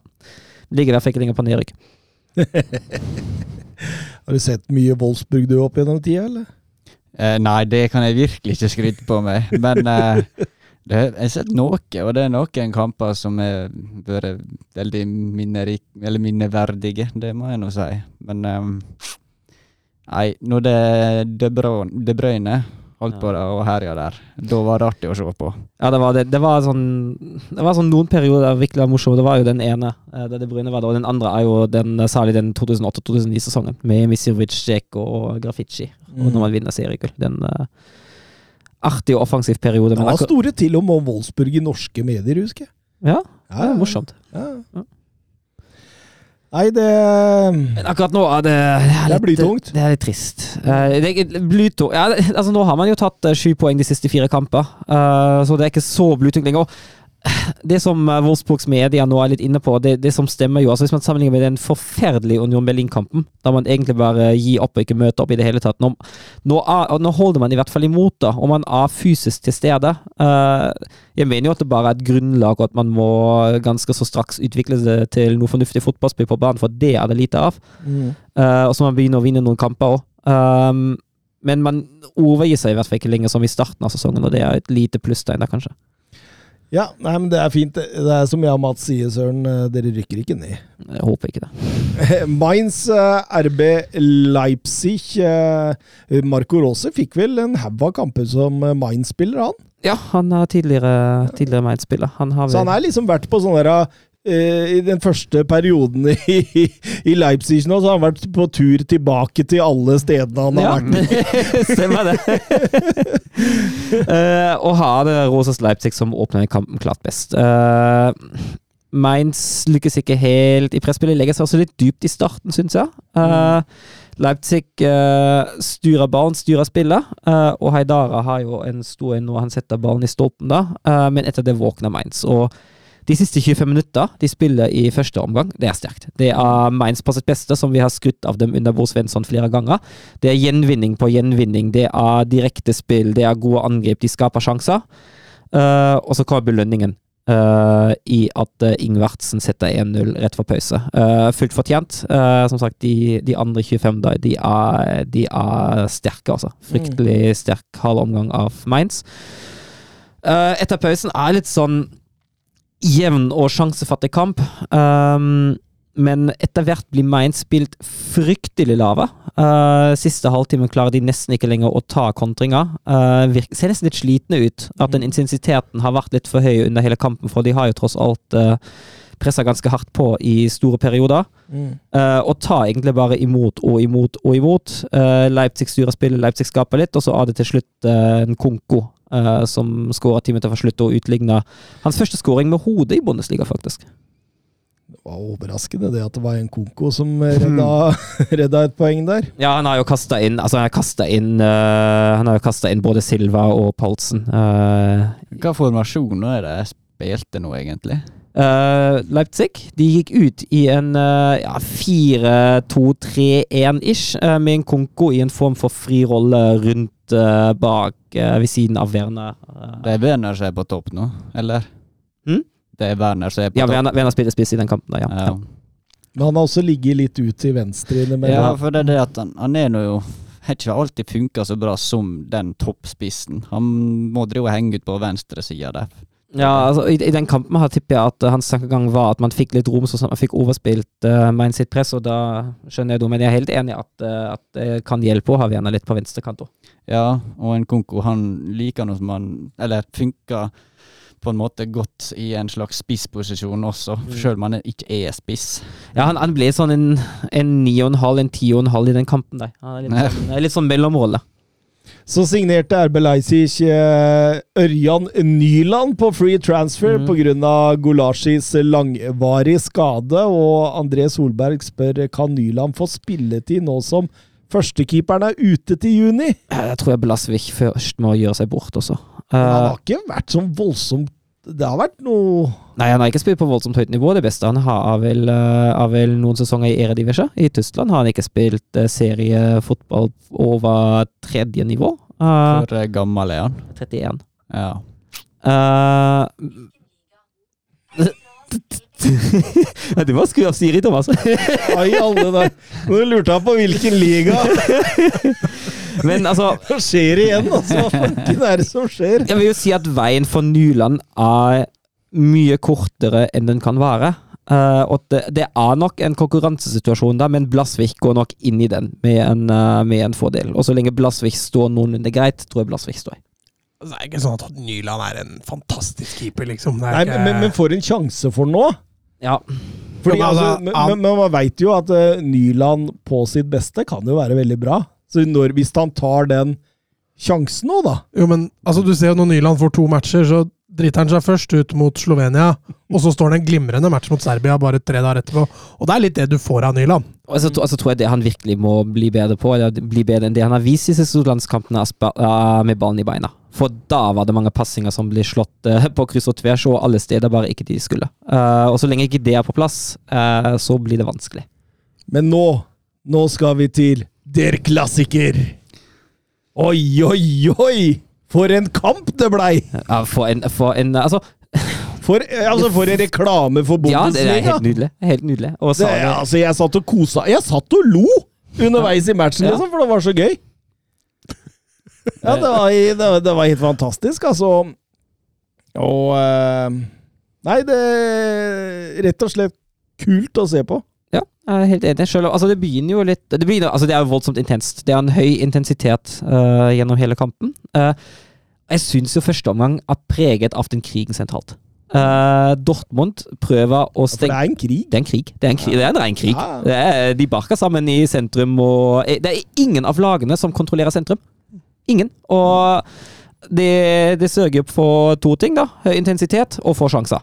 Eh, men tross, altså til tross for at det ikke skjer så voldsomt mye foran målene, er jo dette her morsomt og underholdende.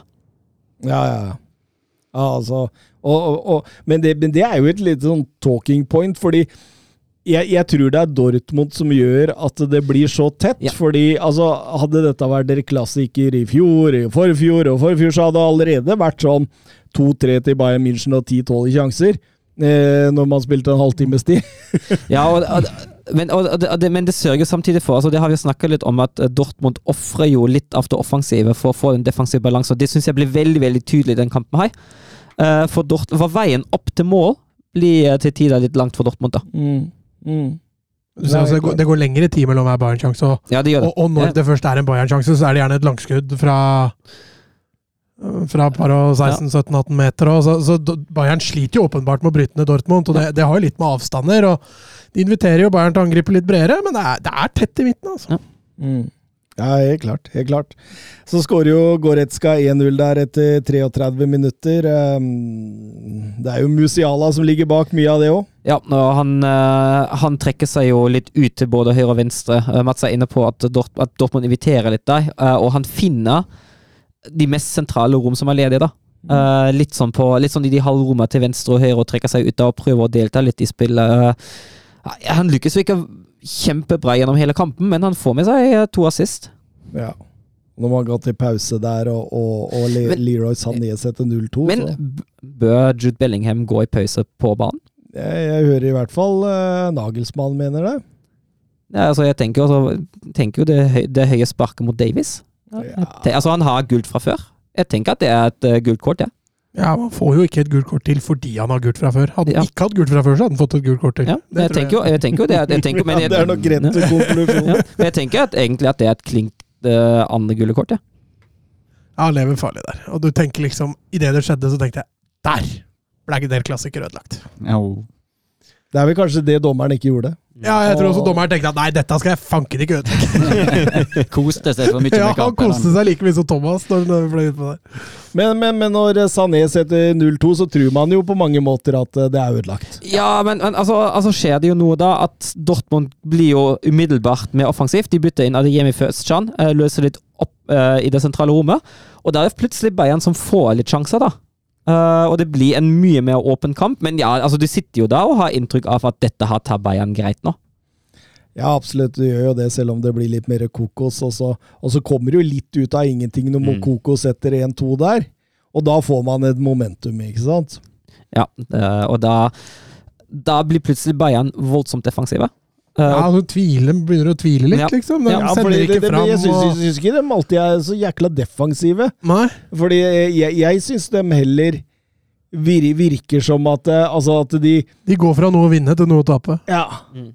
egentlig. Og, og, og, men, men i den perioden også etter 2-0, altså Det er sjokkerende hvordan de opptrer som et lag etter 0-2. Altså det er rett og slett bunnkarakter i forhold til går organisatorisk, i forhold til taktisk, det mentale. Jeg syns alt står til altså, det, det, altså Hvordan Opamecano kan drive og surre rundt omtrent opp på midten der ute ved krittet når, eh, når, når Dortmund angriper, og han lunter hjemover. Pavar skal ha en stort ønske om å spille midtstopper. Ja, god natt, altså! Han er jo ute av posisjon hele tida. Stanicic og Masraoui kommer inn der.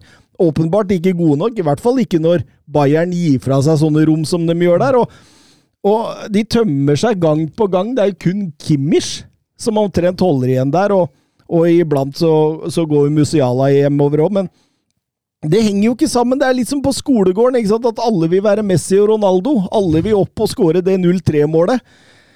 Ingen som tar ansvar. Altså, Alle vil skåre det klassiker, alle vil vinne gullballen. Det, nei, dette kan ikke Nagelsmann være kjent av i det hele tatt, det som skjer etter 0-2.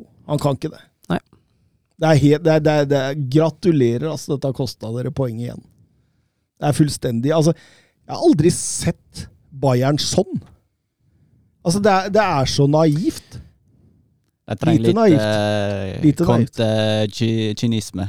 Ja, må litt kynisme inn der, Ja. hvis de og- skal vinne disse kampene her. Og kanskje også en uh, ordnende hånd fra sidelinja, når vi også har de indikasjonene med den Kimmich-situasjonen som ikke klarer å uh, Som får sytret seg bort fra en høyreback-posisjon, da. Ja, ikke sant? Så er det sånn spørs uh, hvilke grenser klarer egentlig Nagelsmann å sette mot troppen der. Var det Kimmich som sendte denne pasning, lange ballen inn i 16 meter der, som Goretzka henta til, hedda tilbake igjen til Mané, tror jeg det var? Ja, stemmer. Den store sjansen der på Den var imponerende. Jeg tror jeg knapt har sett noe sånt Mm. før. jeg, Hvor det er en spiller kommer springende full fart inn i 16 meter, klarer å heade tilbake Ja, igjen. Ja, det, det, det, det var en bedre prestasjon enn det Mané gjorde når han skulle heade den inn igjen. Ja. Mm. Men, men eh, som vi snakka om, Mokoko eh, setter 1-2, eh, og da blir det jo et kjør. Modest der er nære. Det er litt som du er inne på der, det mentale svikter litt i Bayern. Og, og man, man blir litt nervøse, og, og jeg føler vel egentlig at både Dortmund og fansen da, de forbereder seg veldig på det sluttkjøret der. Og det, de får jo betalt til slutt, da. Ja, Særlig når Kingsley Coman er så dum at han Ja, holder igjen Adiemi på i det 89. minutt der òg, da. Så får de jo 11 mot 10 mot slutten, og da Og det er jo helt riktig. Det er jo et soloklart eh, andre gule kort. Kult når de satte inn 2-2 der. Altså, den Det bare Tenk å vært der da. Ja. Så, det, eksploderte jo fullstendig. Alle nøytrale tilskuere ble Dortmund-supportere akkurat når det der skjedde. Altså, altså er det litt fint for Modest. Han, han har hatt en, eh, tøff, en tøff start i Dortmund. Eh, Han bomma på en eh, kjempesjanse uh, rett før. Fint for ham å få den skåringa der. Ja, den var svær. Mm. Når da Neuer eh, Han bomma på ballen. Sånn var det. Stemmer. Jørn Henland eh, skriver eh, hvor deilig var det å se Oliver Kahn sitt raserianfall i, i ren kald Reverud-stil. Ja, det er helt nydelig. Det er, det er, jeg, altså, jeg, jeg hyller det. Jeg syns det er fint at det betyr såpass mye for sjefen òg. Jeg syns bare det er, det er helt konge, det. han ser nå sint ut, sånn i grunninnstilling uansett. Da. Så eh, det blir bare ekstra tydelig, da. De høye herrer der i, i Bayern München der, det, det, det, er, så- det er sånn gutteklubb. Ja, ja, det er. Brasso og, Ja, ja. og Hønes og Ja, nå har vi Rominig mer eller mindre trukket seg litt lenger Ja, Hønes er jo, er jo ute nå. ja. Han er jo, han er jo æres, Hønes var jo ute nå og freda Nagelsmann. Ja, men uh, ja, han er jo, Hønes er jo ærespresident, da, så Ja, fordi eh, Hønes sa jo etter kampen at eh, Nagelsmann sitter ikke bare trygt, han sitter veldig trygt, og at det var en ikke-sak i, i Bayern München. Det var bare en mediegreie at Nagelsmann skulle sitte utrygt. Men jeg, jeg tror ikke det er noe ålreit for Nagelsmann å gå inn i det kontorlandskapet der hvor og gutta sitter eh, etter en sånn kamp. Altså. Da tror jeg du får noe blikk. Ja, jeg tror det, det der, der var ikke bra, altså. Ja, og og det, har- det har skjedd litt for ofte med Nagelsmann nå det siste. Ja, det er helt enig. noen taktiske greier der som Ja. går skikkelig Ja, så ser du også, han har bytta han inn uh, ti minutter før, bytta han inn Choupo-Moting for Mané og sånn. Mm. Ja. Hvorfor? Det er vel agenten til Choupo-Moting som Sender noen meldinger der. Det er vel alltid det som er svaret når Choupo-Moting kommer på ei bane. eh, Alonso fikk en grei hjemmedebut òg. Ja, mot Schalke. Eh, fin, og, fin og grei seier. Eh, og som sagt, veldig spent på hvordan eh, hvordan det blir videre. Det er, det er en veldig spennende kombinasjon. da. Leverkosen med en, eh, i krise, men med en spennende tropp. Og Alonso som en spennende trener, eh, som, først, nå, som for første gang våger seg ut eh, i en større klubb, og en ganske stor klubb. Det, det skal jeg følge med på med spenning. Gleder meg. Kleiva, du likevel vel Xavi Alonso. Ja, han er litt eh, sansen for, selv om det han gikk til Real Madrid, da. Så, eh, men jeg bare liker han som eh, både spiller og hva skal jeg si, porsjon, da. Det Mm. Alarmen som begynner å komme. Er det- er det- Har du satt tid på når dama sier til deg at nå må du komme hjem? Eh, nei. Eh, Så strikte regler er det ikke. Nei, eh, jeg gleder meg veldig til å se hvordan han gjør det som trener. Altså, han er en spiller som jeg drev og venta på skal komme og begynne som eh, førstelagstrener. Mm. For den hjernen hans, der tror jeg det er mye spennende. Mm. Og de eh, trenerne som han har spilt under, det er store navn. Mm. Ja, ja, ja. helt klart. Det er noen du ser for deg bli trenere. Altså, jeg har hele tida venta på uh, Daniele De Rossi, og så viser det seg at han har tatt over Spal nå. Så det er til sin første managerjobb. Mm. Så det, det, det blir litt uh, spennende. Det er ikke alle det ligger altså Andreo Pirlo òg kunne man jo tenke seg at kunne vært Ja, men han tror jeg fortsatt kan. Altså, jeg tror bare Juventus er dømt for å, at alle mislykkes for tida. Så det, det så, Sånn er det. Um, Og så er det andre som blir trenere, som du tenker at eh, Sånn som Gattusso, for eksempel. Ja. Går det an at han er trener? um, Union fikk også sparka en, uh, en manager. uh.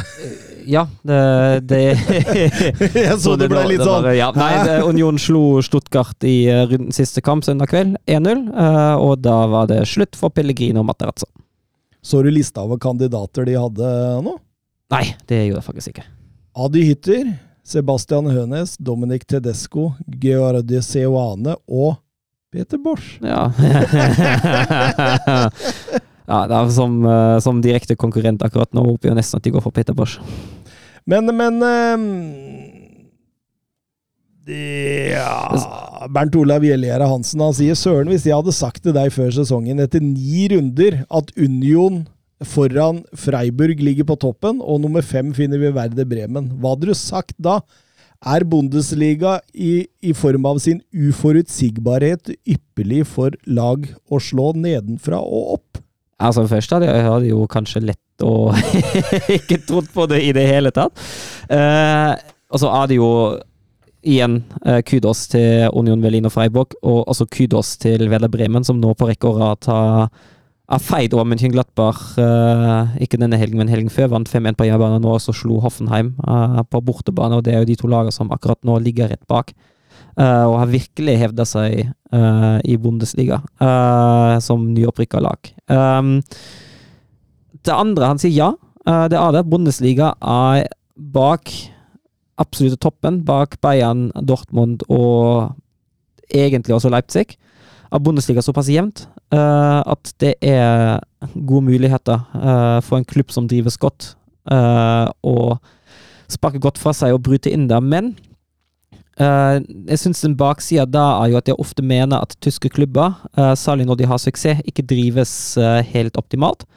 Det er mange klubber der jeg savner en form for klubbfilosofi, ikke bare mitt kjære Wolfsburg, uh, også andre klubber der man når, når, man, når man tenker seg litt om på klubben, hva står den klubben egentlig for? Jeg, da, jeg er egentlig en veldig stor tilhenger av at en klubb skal ha en klar filosofi. Det gjør det lettere, med tanke på spillemåten, det gjør det lettere å integrere ungdomsspillere. Det gjør det lettere å finne de riktige managerne, de riktige spillerne, uh, til enhver tid. Og der syns jeg tyske klubber uh, ofte er forholdsvis dårlige.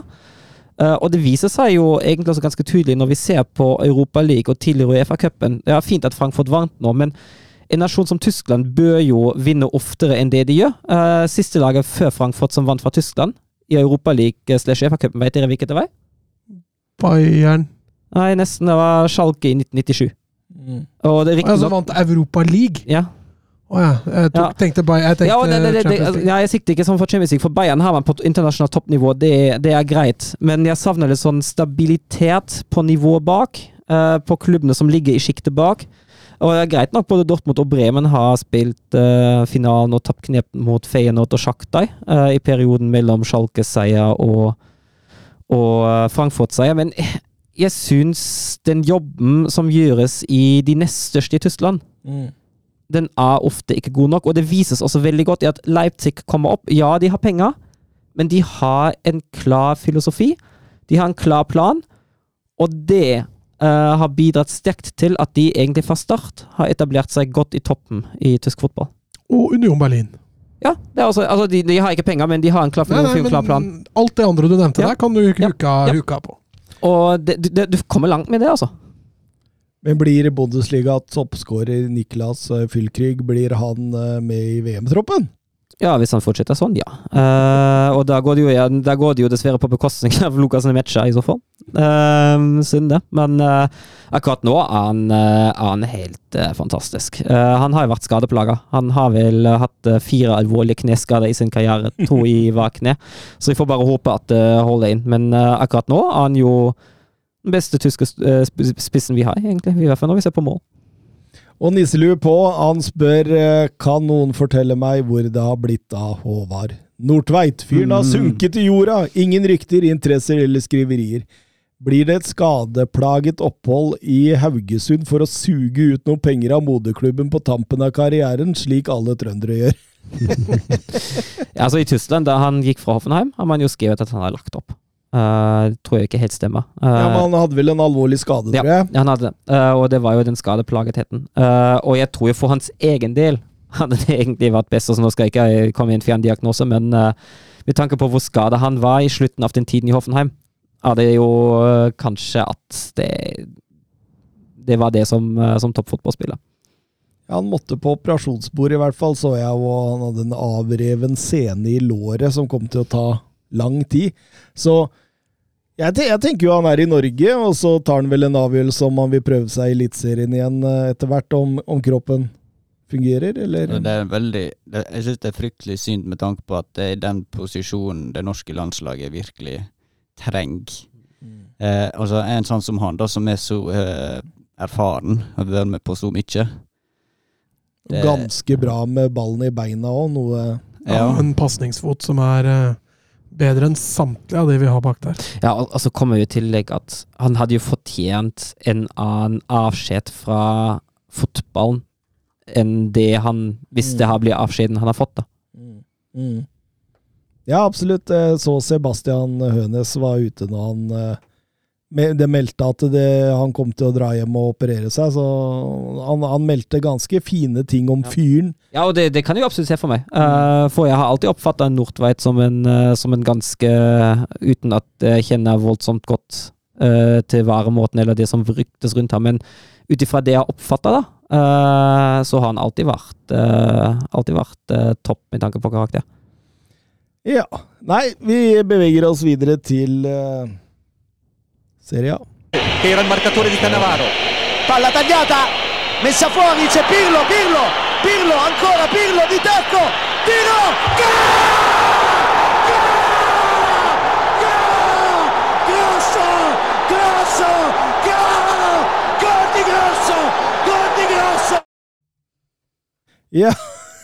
da var vi tilbake igjen her. Det gikk litt fort her. Vi satt og prata i, i introen. Eh, Geir Alvor er jo så glad i den introen der, så Hver gang den kommer, da er det finne volumknappen, skru ned, skru ned, skru ned. hadde du skrudd opp volumet nå igjen? Ja, men altså, det, det er jo bare introvolumet. Ja, ja, ja. Mm, mm. Tekniker Døpker. ja. Eh, Vi skal først til eh, Sassolo Inter. Det er tøffe tider for Inter og Simione Inzaghi for tida. Um, Fikk en opptur mot Barca, da. Ja, men det var kanskje noe flatterende, det òg, eller? Eh, ja, vi snakka om det sist, at det ble litt, Barca ble litt snytt, ja. Men allikevel en opptur for Inter. Ja, absolutt. Og, og, og de får jo en opptur her òg, selv om Altså, det, det, det, det, det, det, det må grive, grave dypt. Og grave dypt. Og det er jo en jevn kamp uh, som kunne ha vippet begge veier. Uh, og hvis Inter ikke hadde tatt alle tre poengene, hadde ingen som kunne ha sagt noe på det. Nei, absolutt ikke. Syns, uh, syns, syns Sassolo som starter med to nordmenn. Både Thorstvedt og, og Seide der. eh, Og, og, og den byr eh, Inter godt til kamp der. Altså, Tsjeko setter jo 1-0 der rett før pause, og det var forresten hans hundrende Serie A-mål. Det er jo Mm. ganske imponerende. Ehm, og, og, og, og du ser da, når de kommer ut fra pause der, at, det- at Inzaghi er veldig aktiv på sidelinja. Dette her betyr mye for ham. Du ser det er en, en manager under press, og, og, og, og sånn sett så får de en ganske ok og behagelig start på omgangen. Det skjer ikke så mye, og så, og så begynner så vidt Sasolo å ta over og, og får 1-1 der. og Da tror man det skal ryke igjen, altså. Så blir det jo en, det blir jo en litt åpen kamp uh, etter det. Ja, helt klart. Helt klart. Uh, Men den ene redningen uh, Kasigli har, mm. Åh, ja, ja, den er verdensklasse, altså. Den er verdensklasse. Og jeg, jeg, men, men, men, men så tenkte jeg når jeg satt og så på Inter her, at det, eh, Altså, når det går dårlig med Inter, så, så går ballene stort sett bare rett framover. Uten vinkel, ja. Ja, ja. U, og det, det, det er ikke noe ro i frispillinga, det er ikke noe tempo på ball, eh, det med vinkel, kvalitet, eh, alle kvaliteter i bevegelsene. Og og det blir så forutsigbart, da. Det har også litt med selvtillit å gjøre. Altså, jo dårligere selvtillit, jo enklere valg tar du jo. Eh, så Inter sliter åpenbart litt, og det her var altså mot Barca da, i midtuka, men også det her ble jo, blir jo sårt tiltrengt. Så får vi se om det får en effekt, for nå, nå må de våkne. Hvis, det, hvis ikke så ryker dette Serie A-toget ganske tidlig. Men heldigvis har de jo Edin Seko, da, som, som briljerer i sin uh, Hva kan du kalle det? Vikariat for Romelo Lukaku, og setter jammen sitt andre mål også. Dermed er Seko den eldste med to mål eller flere i en Serie A-kamp for Inter gjennom tidene. Ja, det er Sterk prestasjon. Savner de virkelig Jan Lukaku når det Sjeko funker så godt som han gjør. Det blir nå en helt annen måte å spille på, sjølsagt. Vi har vært litt innpå det, at vi tror liksom på en måte at uh, Simione Inzaghi har, har ridd litt bølgen av det gode organiseringa Conte gjorde der i sin tid. Ja, det dette dere prater om. Og, og, og, og det, det ser jo mer og mer nå egentlig utover, at det, det har gått litt gærne veien. da. Men du snakker om press. Er han litt under press? Han skal visst være det, men at eh, det, det sies at han skal få i hvert fall til VM. Altså, Hvis han går videre i Champions League, da kan de nå ikke kvitte seg med ham? Det tror ikke jeg heller. Han- Og så lenge han er med i kampen om Champions League i Serie A, også, så, så er han vel villig til å sitte med den, i hvert fall ut sesongen, tenker jeg. Det, det, det tror jeg nok. Det, det, men, men det blir veldig spennende å se her nå, fordi eh, jeg, jeg syns Inter er liksom på et veiskille. Det kan enten gå Ja, Det veiskillet er vel i morgen, kanskje. Ja, det, det kan fort være det. Ja. Det blir spennende å se det der. Det kan være veiskille for Barcelona òg. det, det Det, det er en viktig fotballkamp, altså. Det er det. Tap der, så er det ferdig, faktisk. Huff a meg, Mats. Milan-Juventus. Ja, Juventus starta overraskende bra de første 15. Ja, det Faktisk. Det altså, det. det, men, men, men var det Milan som starta overraskende dårlig? Ja, det kan også tenkes, ja. Det, Herlig blanding der. ja. Men uh, Altså Det så ut som det var Milan som var litt sånn rysta over det Ja. som hadde skjedd på Stamford Bridge. At man liksom ja. Oi! Eh, fyrte ikke på alle sylindere der, og, og, og der, der er det klart det at eh, Men jeg er helt enig med deg. Juventus virka jo farligst innledningsvis. Så. Men etter et kvarter eh, så tar jo Milan egentlig fullstendig over og ser seg aldri tilbake i den kampen. Der. Nei, absolutt ikke. Og en Rafael Leao igjen som tar Ja. For en spiller det er, Geir Halvor. Ja, han er spent på hva som kommer til å skje videre, altså. For uh, han tror jeg absolutt alle storklubber eh, er ute etter. Ja, det tror jeg òg. Ja, I hvert fall de som trenger en venstrekant-spiss. De bør ha han høyt på blokka si. Er det derfor City kanskje prøver å slippe Grealish nå? Det går jo an å spekulere. Ja. Men, Men, eh, men- eh, Rafael Lea og Grealish det er to litt annen forskjellige Det er ganske spilletyper. forskjellige typer, ja. Jeg Ja, ja, men jeg tror jo, tror jo Leao kunne passa City bra. Ja, men eh, skulle han da funka som en venstrekant i det systemet der? der? For der vil de gjerne ha litt mer kreative spillere, gjerne. Ja, og så tenker de at både Leao og Haaland på samme lag, da, da blir det mye mer rett fram-fotball, i hvert fall. Ja, det gjør det. Det gjør det. Men jeg, jeg tror han vil fungere, for han er, han er, han er så finmotorikk og finteknisk òg. Så jeg tror han liksom ville kunne Jo, altså, gode fotballspillere funker jo overalt, men um, ja, Vi får se. Eh, kan Real Madrid vil kanskje ha noe, men der har de med Venicius. Det er litt vanskelig Også. Ja, den plassen der blir noe mm. Men jeg syns nå det hadde vært artig hvis han hadde blitt i Milan også, og de kunne klart å opprettholde Altså at det de nå tar igjen de andre storklubbene, for de var nå der. Mm. Og at de kommer opp på, igjen på det nivået, og tar på en måte Juventus sin plass i Blir en europeisk stormakt. Jepp. Ja. De, de har sjansen, de har muligheter til det, selv om økonomisk så ligger de nå ganske langt bak, selvfølgelig. Mm. Fikayo Tomori, han setter 1-0. Veldig fortjent der da, rett før pause. yes.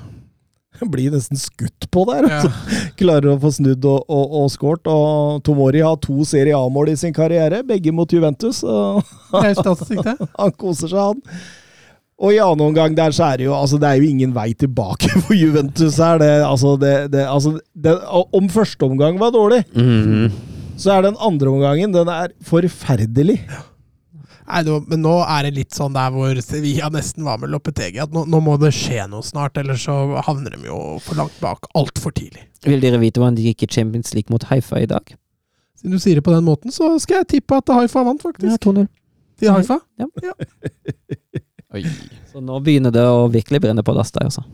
Og du ser jo på den 2-0-skåringen til Brahim Diaz i denne kampen nå. Liksom, altså, eh, det er jo Vlaovic som spiller en tvers Ja, over, og så bare snapper han opp.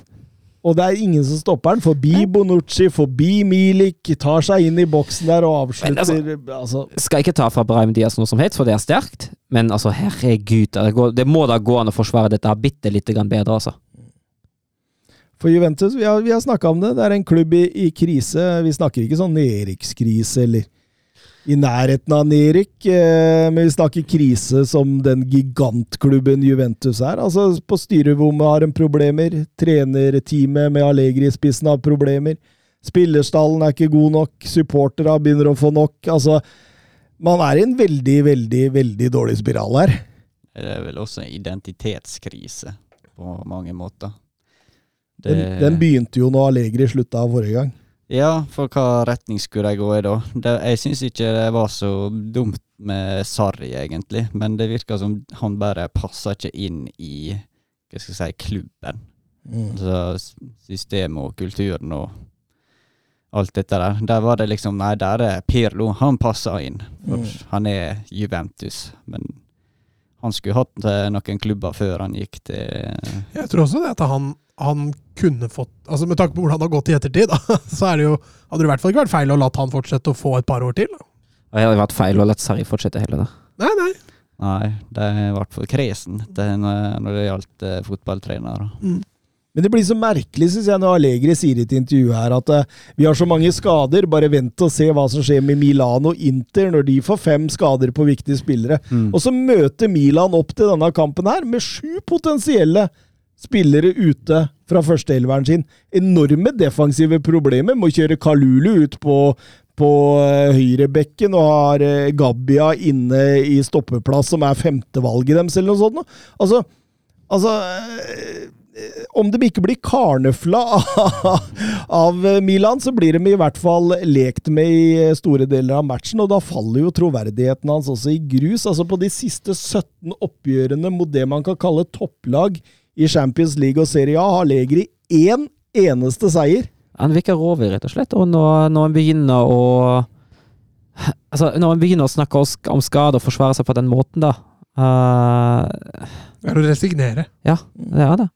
Og så er det jo klart, de kommer jo alltid til å vinne en kamp mot Bologna her og mot Lecce her, og så det holder seg flytende sånn midt på tabellen. Kanskje litt over, og kanskje litt sånn rett under eh, topp fire også innimellom. Det, det, det vil jo være fordi man har Vlaovic, man vil få en Pogba tilbake igjen, man har en Chiesa på vent. Men altså, Juventus som storklubb nå det, det, altså, De er ved et veiskille, de òg, altså. Et skikkelig veiskille. Det, er, det, det må skje noe. Det må skje noe på styrerommet.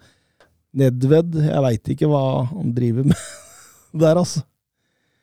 Nei, det, det, det er ikke bra i det hele tatt. Um, det som er veldig bra, det er jo Odinese og Atalanta. De møttes uh, og spilte en forrykende 2-2-kamp. Uh, veldig, veldig artig å se hvordan uh, Andreas Sotil har fått til med dette Odinese-laget. Hvor langt kan de ta det, dette laget her? Kan det bli topp fire, Mats? Uh, nei, hvis jeg må svare på det. Uh, de er i en voldsom flyt nå, og det er gøy å se på dem. De er, eh, de er underholdende. og de, altså Vi kaller dem er entusiastiske. da.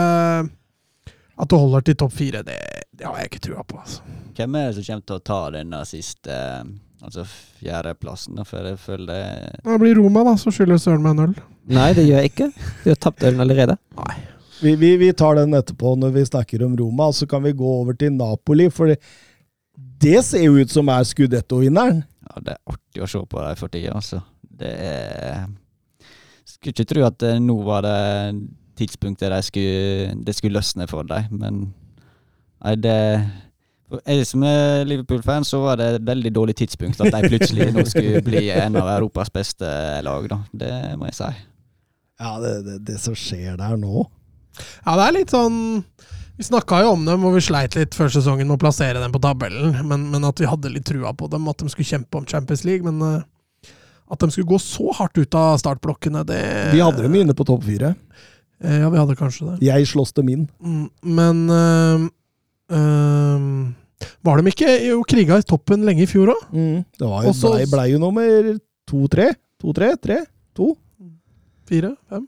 Nei, nei, de er jo Champions League, Mats. er Nei da, de, de tok vel medalje, for Juventus ble vel nummer fire, ble de ikke det? Så Ja. da må det ha blitt eh, to eller tre. Så hvis de greier å ta dette, holde ut litt lenger nå, og, og fortsette go godspillet sitt, så, så kan de absolutt uh, være med helt der oppe. Og det er som jeg snakka om før, altså, det er så jevnt der, så det er, eh, det er fortsatt faktisk bare tre poeng ned til, til er fjerde, tredjeplassen, fjerdeplassen. Så det er fortsatt jevnt. Og denne Kvareskela fortsetter. Han er, det er helt hinsides. Han fikk seg straffa på 0-1. Han serverte Lozano på åpent i 1-3 her, og ellers svært aktiv. Han har vel fem mål og to assist på ni kamper nå. Dette er spilleren som møter Norge i, i EM-kvaliken. For øvrig så har han fått seg et tilnavn, han også, leste jeg om her. Kva- Veit du hvem han er den nye? Kvaradonna. Nei, men vet du, ja, jo, det er jo Ja. artig nok i seg sjøl, men, men vet, du, vet du hvem, hvem, eh, hvem han er den nye? Han er den nye George Ja. Best. Best. Ja! Jeg flirer av meg i hjel. Så langt tilbake i historien har jeg ikke, jeg har ikke hørt disse hva- hva- altså, ja, ok. Er det no, noe irsk og georgisk, altså. Ja, er greit. Jeg håper håpe han er den nye George Best på utsida av banen nå, da. Så kan det bli da blir det nok en ny historie. Men eh, utrolig artig å følge med på dette Napoli-laget nå, som fikk like De fikk Ramani skada, da, så Østegård fikk åtte minutter, og det ser ut som Ramani kan være ute opptil fire til seks uker, så det, Kan bli spilletid. det kan bli spilletid for godeste Østegård også. Og så er Viktor Oshimen også på vei tilbake igjen, og så Ja, da, da begynner vi å snakke. Ja da. Og Spalletti sier etter kampen òg at eh, han føler laget aldri senker intensiteten i spillet sitt. Altså intensiteten hos samtlige spillere er der hele tida. Så det, det Nei, dette blir spennende å se. Jeg bare håper sånn på eh, det det faktisk eh, kan ta tittelen i år, for det var vært så vanvittig artig. Mm. Mm. Er helt enig. Ja, Napoli det er et lag som hadde vært kult om hadde vunnet, faktisk. Ja. Mm, enig. Det var vært sjukt artig. Roma Lecce. Ja. Ja da, de grinder seg videre. Altså, nei, det var ikke bare grinding, dette her, fordi de var jo Lecce fullstendig overlegen, og de spilte jo 11 mot 10 også i store deler av kampen. Men det er dette med å skåre mål, altså. Ja, de, vi har vært inne på det før. De har en høy XG. Det har de i den matchen her òg, uten, uten å få noe mål. og De trenger jo både dødballer og dødballer for å få det til, så det, det lugger litt. Samtidig som grunnspillet til Roma nå, og, og tryggheten bakover, den, den ser lovende ut, altså. Men eh, det begynner å bli en komedie å se på Tame Abraham, altså. altså det, det virker som han prøver å overgå seg sjøl med å bomme på store sjanser for hver eneste kamp nå. Det, det helt, Og det gjør han! Ja, det, er helt vilt, og, og da er det jo en skudd for baugen når, eh, som Freddy, Felix Jansen sier her Hva har Dybala-skaden noe å si for to, Romas topp fire-kandidatur? Fordi Dybala går jo ut med skade og er ute til Ja, Mourinho sa det sjøl. Han er, spiller i hvert fall ikke mer i 2022. Oi da, såpass, ja. Det betyr at VM ryker også for godeste Dybala. Ja, det er selvfølgelig trist, både for Roma og for Argentina, og kanskje først og fremst for Dybala. Eh, at dette er et skudd for baugen for Roma, og det er det ingen tvil om. Og det ser du kampene han ikke har spilt, for da, da er det kamper hvor Roma i hvert fall har slitt med å skåre mål, så eh, Et helt klart skudd for baugen, og så må man bare få fillerista han Abraham, altså. Så må han begynne å sette sjansene sine.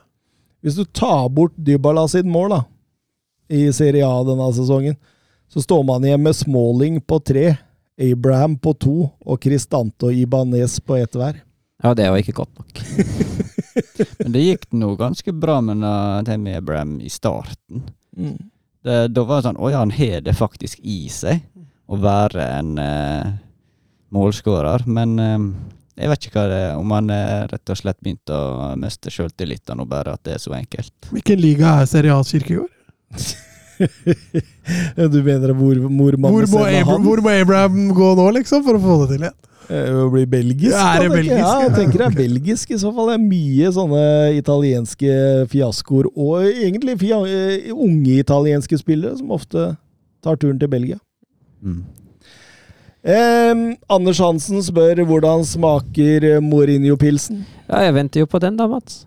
Nei, jeg skal høre gjennom det der. Jeg, Ja, vær nek jeg nekter å vedkjenne meg eh, Altså at vi kan si altså to sesonger, og det eneste som godkjennes, er at han klarer topp fire begge. Så det vil da si at hvis han vinner Europa League i år, så er ikke det bra nok? Ja, Anders har jo hørt gjennom da. Uh, og Ja, nei, men det Det spørs om vi må sette den på her etterpå. Det stoler jeg ikke på i det hele tatt, faktisk. Eh, Jeg må høre Altså, Det begynner å bli en del øl nå, Mats. Altså, det det er to for, to for Senshaw, én for Roma, og så er det snart eh, Glasgow Rangers-veddemål òg. Han glemmer ikke vet Nei, men han skal få, han skal få øl, se. det er ikke noe, det er ikke noe problem.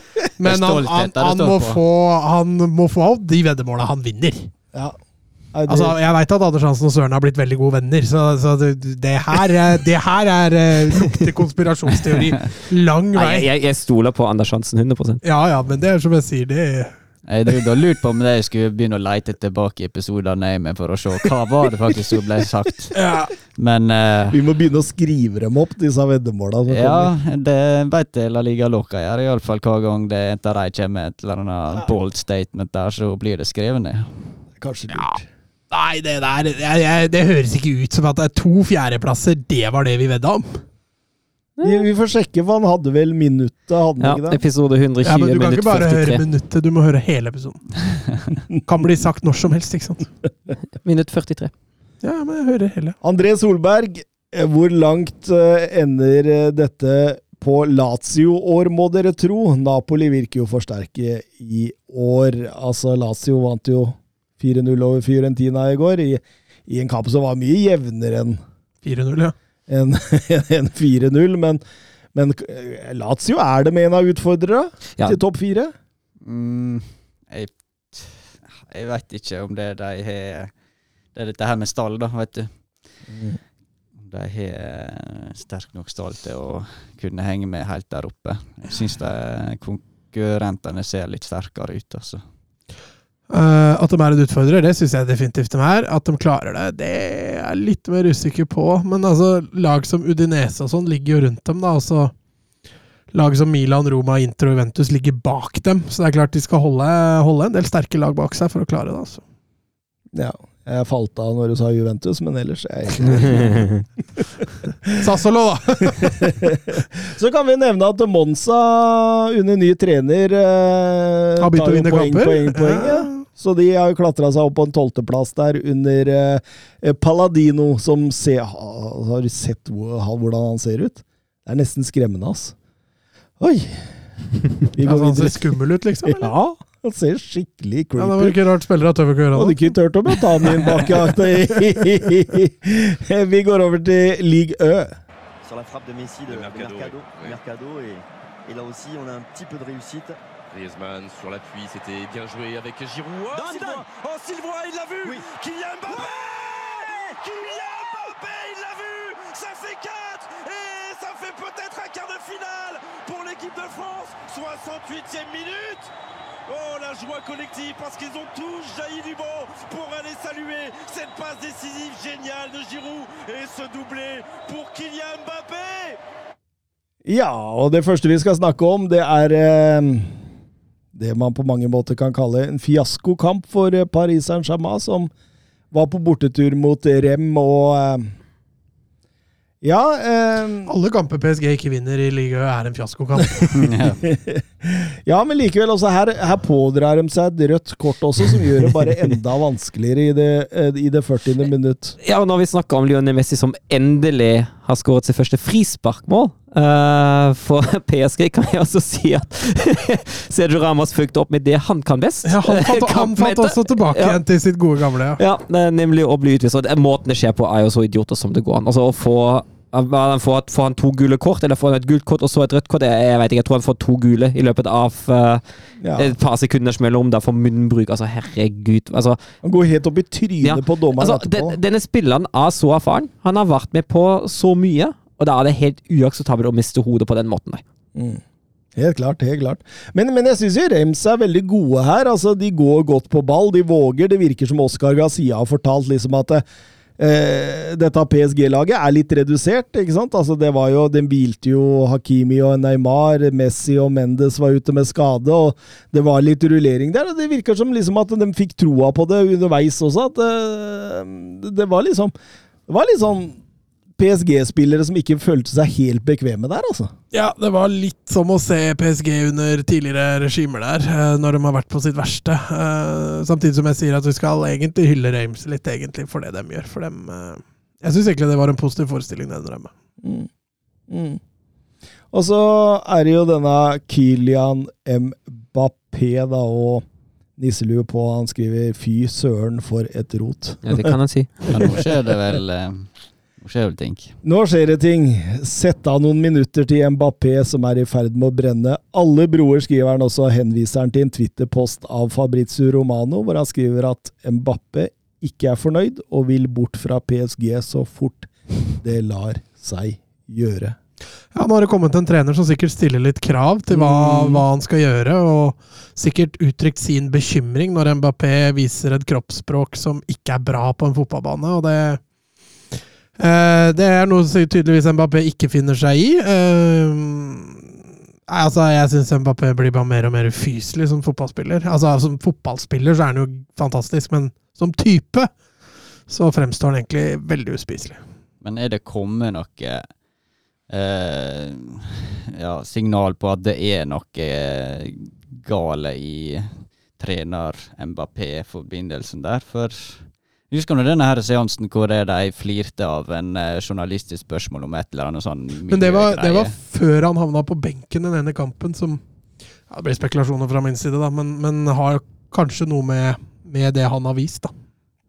Og, Ja. og du veit jo det, du, øh, hvis du så Benfica-kampen de hadde nå i Champions League i forrige uke, så ser du jo at Mbappé og Neymar knapt nok sentrer til hverandre. Ja, det har vært tydelig omtrent hele høsten. Ja. Mbappé han sentra ikke til Altså, Neymar sent, noe Ja, han har hatt noen assister til, øh, til Mbappé, ja. Men ikke motsatt. Nei. Mbappé har Ja, det er noe grudge. Og så er det litt sånn, når jeg ser Jeg så denne kampen med Reim, så tenker jeg hvordan han er mot andre lagkamerater. Altså, han slår ut med armene hele tida, er oppgitt. øh, vi husker jo fra den gangen da han ikke gadd å ta det løpet og bare Mm. stopper opp. Altså, det må jo være kjempeproblem. Altså, det kan jo ikke være sunt i en prestasjonsgruppe i det hele tatt. Altså, enda verre når det er liksom lagets talisman, best betalte spiller, visepresident og assistenttrener, eller hva enn han er. Altså, det må jo være ekstremt vanskelig for de andre spillere å slippe ned skuldra rundt han. Altså, du ser jo Mokiela, han avslutter der. Svakt utafor, riktignok. Og, og det første han gjør, er å kikke på Mbappe for å se reaksjonen hans. Og der var jo reaksjonen «Eh, du er en idiot, så hvorfor skøyt du der? Du skulle sentra til meg, liksom. Helt seriøst, altså. Hadde jeg sittet i en toppklubb, hatt pengene og muligheten til å hente Mbappé, hadde kvia meg, ass. Hadde Mhm. kvia meg skikkelig. Jeg tror ikke han er sunn for miljøet. Nei, og eh, det er der eh, Det er akkurat det du sier der. Så mange Liverpools-fans jeg har sett har hatt lyst til å ha noe til klubben fordi han er den han er. Men nei, nå jeg er utrolig skeptisk, altså. Det er ikke at jeg tror det er noe sannsynlig at Liverpool kommer til å hente noe uansett, men nei. Jeg Det handler litt om hvilken gruppe du får han inn til òg, tror jeg. Eh, skulle f.eks. en storklubb som Real Madrid da hente han med, med en rutinert kar som Angelotti, og kanskje fått en Benzema eller en Modric som mentor, så, så kan det hende du greier å forandre han litt. Eh, men jeg er helt enig i at det han har vist i PSG nå, det gjør at eh, jeg, jeg tror jo det at mange av de som kan hente han, vegrer seg litt ekstra. Det er i PSG han er blitt fått denne her, disse- den attituden der. For jeg synes jeg kan huske at før så omtalt, ble han omtalt som en ganske ydmyk og snill, eller hva man skal si, person, da han var Verdens ungt, snilleste mann. ja, et ungt uh, talent i Monaco, og da var det bare gode ord, om noe så vidt jeg kan huske. Mm. Så det har skjedd noe med all denne her eh, stardom-greia, alt denne Og så, ma- og så skal man ikke undervurdere altså marginene i toppfotballen. da. Altså de marginene som liksom skiller PSG fra Manchester City og Manchester City fra Real Madrid. Det er altså Det er ytterst små marginer til slutt som avgjør. Og dette her er, å ha en spiller som Mbappé i laget kan jo være noe som bikker de marginene i feil retning, da. Ja. Altså, Alex, Bjør da. Alex Bjørkan spør oss her, tror du Florentino Perez fremdeles ligger langflat etter Mbappé? Jeg kan se det for meg at han gjør. Ja, det Eh, kan jeg se for meg òg. Fordi det som er greia med Florentino Perez, at dette her er jo en mann som etter hvert verdensmesterskap, etter hvert europamesterskap, har jakta de største stjerna. Eh, han har jakta de spillerne som har vært mest fremtredende der. Eh, han vil ha et Galacticos-lag i Real Madrid, og han vil ha de beste spillerne. Og jeg tror han bryr seg i betraktelig mindre grad om hvordan de oppfører seg utenfor banen. Ja, altså, han vil jo ha spillere som selger drakter, og det er det vel ingen tvil om at Mbappé gjør. Men han påstår jo sjøl, da, at han ikke var interessert mer. Nei, men det, altså det, altså, han har vært en bitter, bitter mann over den hele Mm. Mbappé-overgangen uh, siden den gikk i vasken. Så hva som kommer ut uh, da i forbindelse med det, det Ja, men jeg kan også forestille meg at Perez er en sta mann. mm. Så hvis han føler seg dolka i ryggen av Mbappé der sånn, Og det det ikke- sier han jo at han har gjort. ja, så er det ikke sikkert at det er det mest fristende for han, men at da han kan svelge en kamel for å tjene noen ekstra grunker, det, det tror jeg også han kan gjøre. Men, men ego til Mbappa kan ikke tenkes at han føler seg støtt av alle uttalelsene til Peres, da, og at han kanskje ikke vil dit. Nei, det kan godt hende at det ender opp et annet sted, men jeg, altså Sånn han oppfører seg nå, så da må han må til en storklubb som kan håndtere den. Altså. Mm. Mm. og som kan gi inn penger. han, Så brukte de jo en del av budsjettet på Mbappé på Shuameni nå i, i, i sommer. Jeg regner med likevel at de klarer å grave fram de ekstra hvis de, de må det. Men det er ikke så mange andre som kan gjøre den handelen da, enn eh, Real Madrid. Det, det nærmeste jeg tenker som sånn er Altså, ok, Den storklubben som kanskje han kan gå til, og som har penga til det, og et prosjekt han kan gå til utenom Real Madrid, da, så er det Chelsea, faktisk. Jeg kan liksom ikke se for meg altså Manchester City, men jeg tror ikke Pep Guardiola vil ta Nei, den engang. Pep Guardiola kommer jeg ikke til å røre Eh, og så- og så penga, da. Newcastle, men det hadde vært funny. Ja. Ja, Og Bayern tror jeg i hvert fall ikke Nei, det Bayern kan aldri i livet. Eh, Betaler ikke så mye penger for en spiller heller. Og så Nei. Nei, eh, du har sant. Det er nå hvis? Benzema begynner å skal trappe ned litt grann nå, da. Nå begynner han å bli ganske oppi i åra. Men om det, det er den sp- spissplassen som Mbappé skal ha i Hvor mange år er han? Fem 35? 35. Ja. Da, eh, da er ikke Ja, da, men, men det er jo litt det de tenker på med, med Mbappé når de prøvde å hente den nå i sommer, tror jeg. Fordi kantene tror jeg er tiltenkt i hvert fall Venitius, den ene Ja. kanten. Og det er den kanten Mbappé er best på. Ja, det er akkurat det der jeg tenker at uh, han må ta spissplassen hvis han skal Mm. til Real Madrid. Ja, Og den blir jo ledig om i løpet av ganske kort tid, tror jeg. Mm. Men eh, skal vi over til resten av kampen, da, så er det jo en kamp egentlig Reims er mye bedre enn PSG utover eh, kampen der, og en Donnarumma som har noen meget gode redninger, som, som rett og slett holder dem inne og skaffer det poenget. Ja. Det hadde vært fortjent med tre til Reims, faktisk. Ehm, Peter Bosch fikk eh, sparken i Lyon etter eh, 1-1 mot Toulouse, og, og eh, Steffen Hansen spør Tror du man har forstått i storklubben nå at Peter Bosch er en midt på treet-trener som trolig burde holdt seg i Nederland, eller biter en ny storklubb på kroken nå? I storklubben har man skjønt det. Eh, det har jo begynt å bli dårligere og dårligere klubber for ham òg. I mitt par tre-klubben har man ikke skjønt det. Uh, og det, det er så fascinerende. Fotballen er så konservativ på den trenerfronten at så snart du har, har gjort noe bra, da, uh, så får du ganske mange nye sjanser. Jeg ser det jo i, i min egen Men- klubb, at K-felt, som har hatt en god tid i Bremen, plutselig får en ny sjanse. Kovac, som vant Altså, Kovac lever fortsatt på det cupgullet han vant med, med Eintracht Frankfurt. Jo, jo, men det sjuke med Bosch, da, det er jo at han knapt nok har noen meritter. Ja. Altså, han, han er jo manager av Sjupo-Moting. Altså, han fikk den Dortmund-jobben etter ett år i Ajax, hvor Ajax blei nummer to. Ja, men det var den Europaliga-finalen, da. Hvor de Ja. tapte også. Ja, ja, men det var den som uh... Jo, men det er ikke sånn det som er sjukt, da. At du liksom du, du, du har ingenting å komme med, da. Jeg, jeg kikka på merittene hans, liksom. Altså, eh, altså det, det- mest imponerende der var en Rinus Mitchell Award for eh, godt forsøk i Europa League. det, liksom, det, var liksom Ja, men For et godt forsøk! ja, Begynner å snakke barnefotball. Ja, Få diplom Ja, for å delta. Og så, og så rykka han vel opp med Herakles, tror jeg, i Nederland der, men, men, men han viste vel aldri noe strålende både ved Vitesse eller Makabi. Og, Ikke i Dortmund uh, heller, og Leverkosen var også høyst middelmådig, altså. ja, og gå til Lyon og liksom mislykkes der òg. Han må nok tilbake igjen til Nederland nå, tror jeg. Ja. Back to the start. Eh, ny manager i Lyon er Lauren Blad. Oh, jeg har ikke fått med meg. jo da, jo da. Er ikke, er ikke det litt sånn, eh, litt sånn anti-Bosch, da? Det er veldig, veldig spennende å se, Ja. i hvert fall. Hva som skjer der nå. Altså, en Lauren Blad som Ja. Nei, det, det, det blir veldig spennende. Det, det er liksom vanskelig å vite. Han har jo vært i Qatar og litt sånne Mm. ting, så Men det jeg mener å huske fra ham, var at han var en uh, Han hadde en betraktelig annen spillfilosofi enn uh, en Bosch, men det er klart han kan ha forandra seg. mm. Og jeg kan huske feil. eh, Lyon ligger på tabellen nå.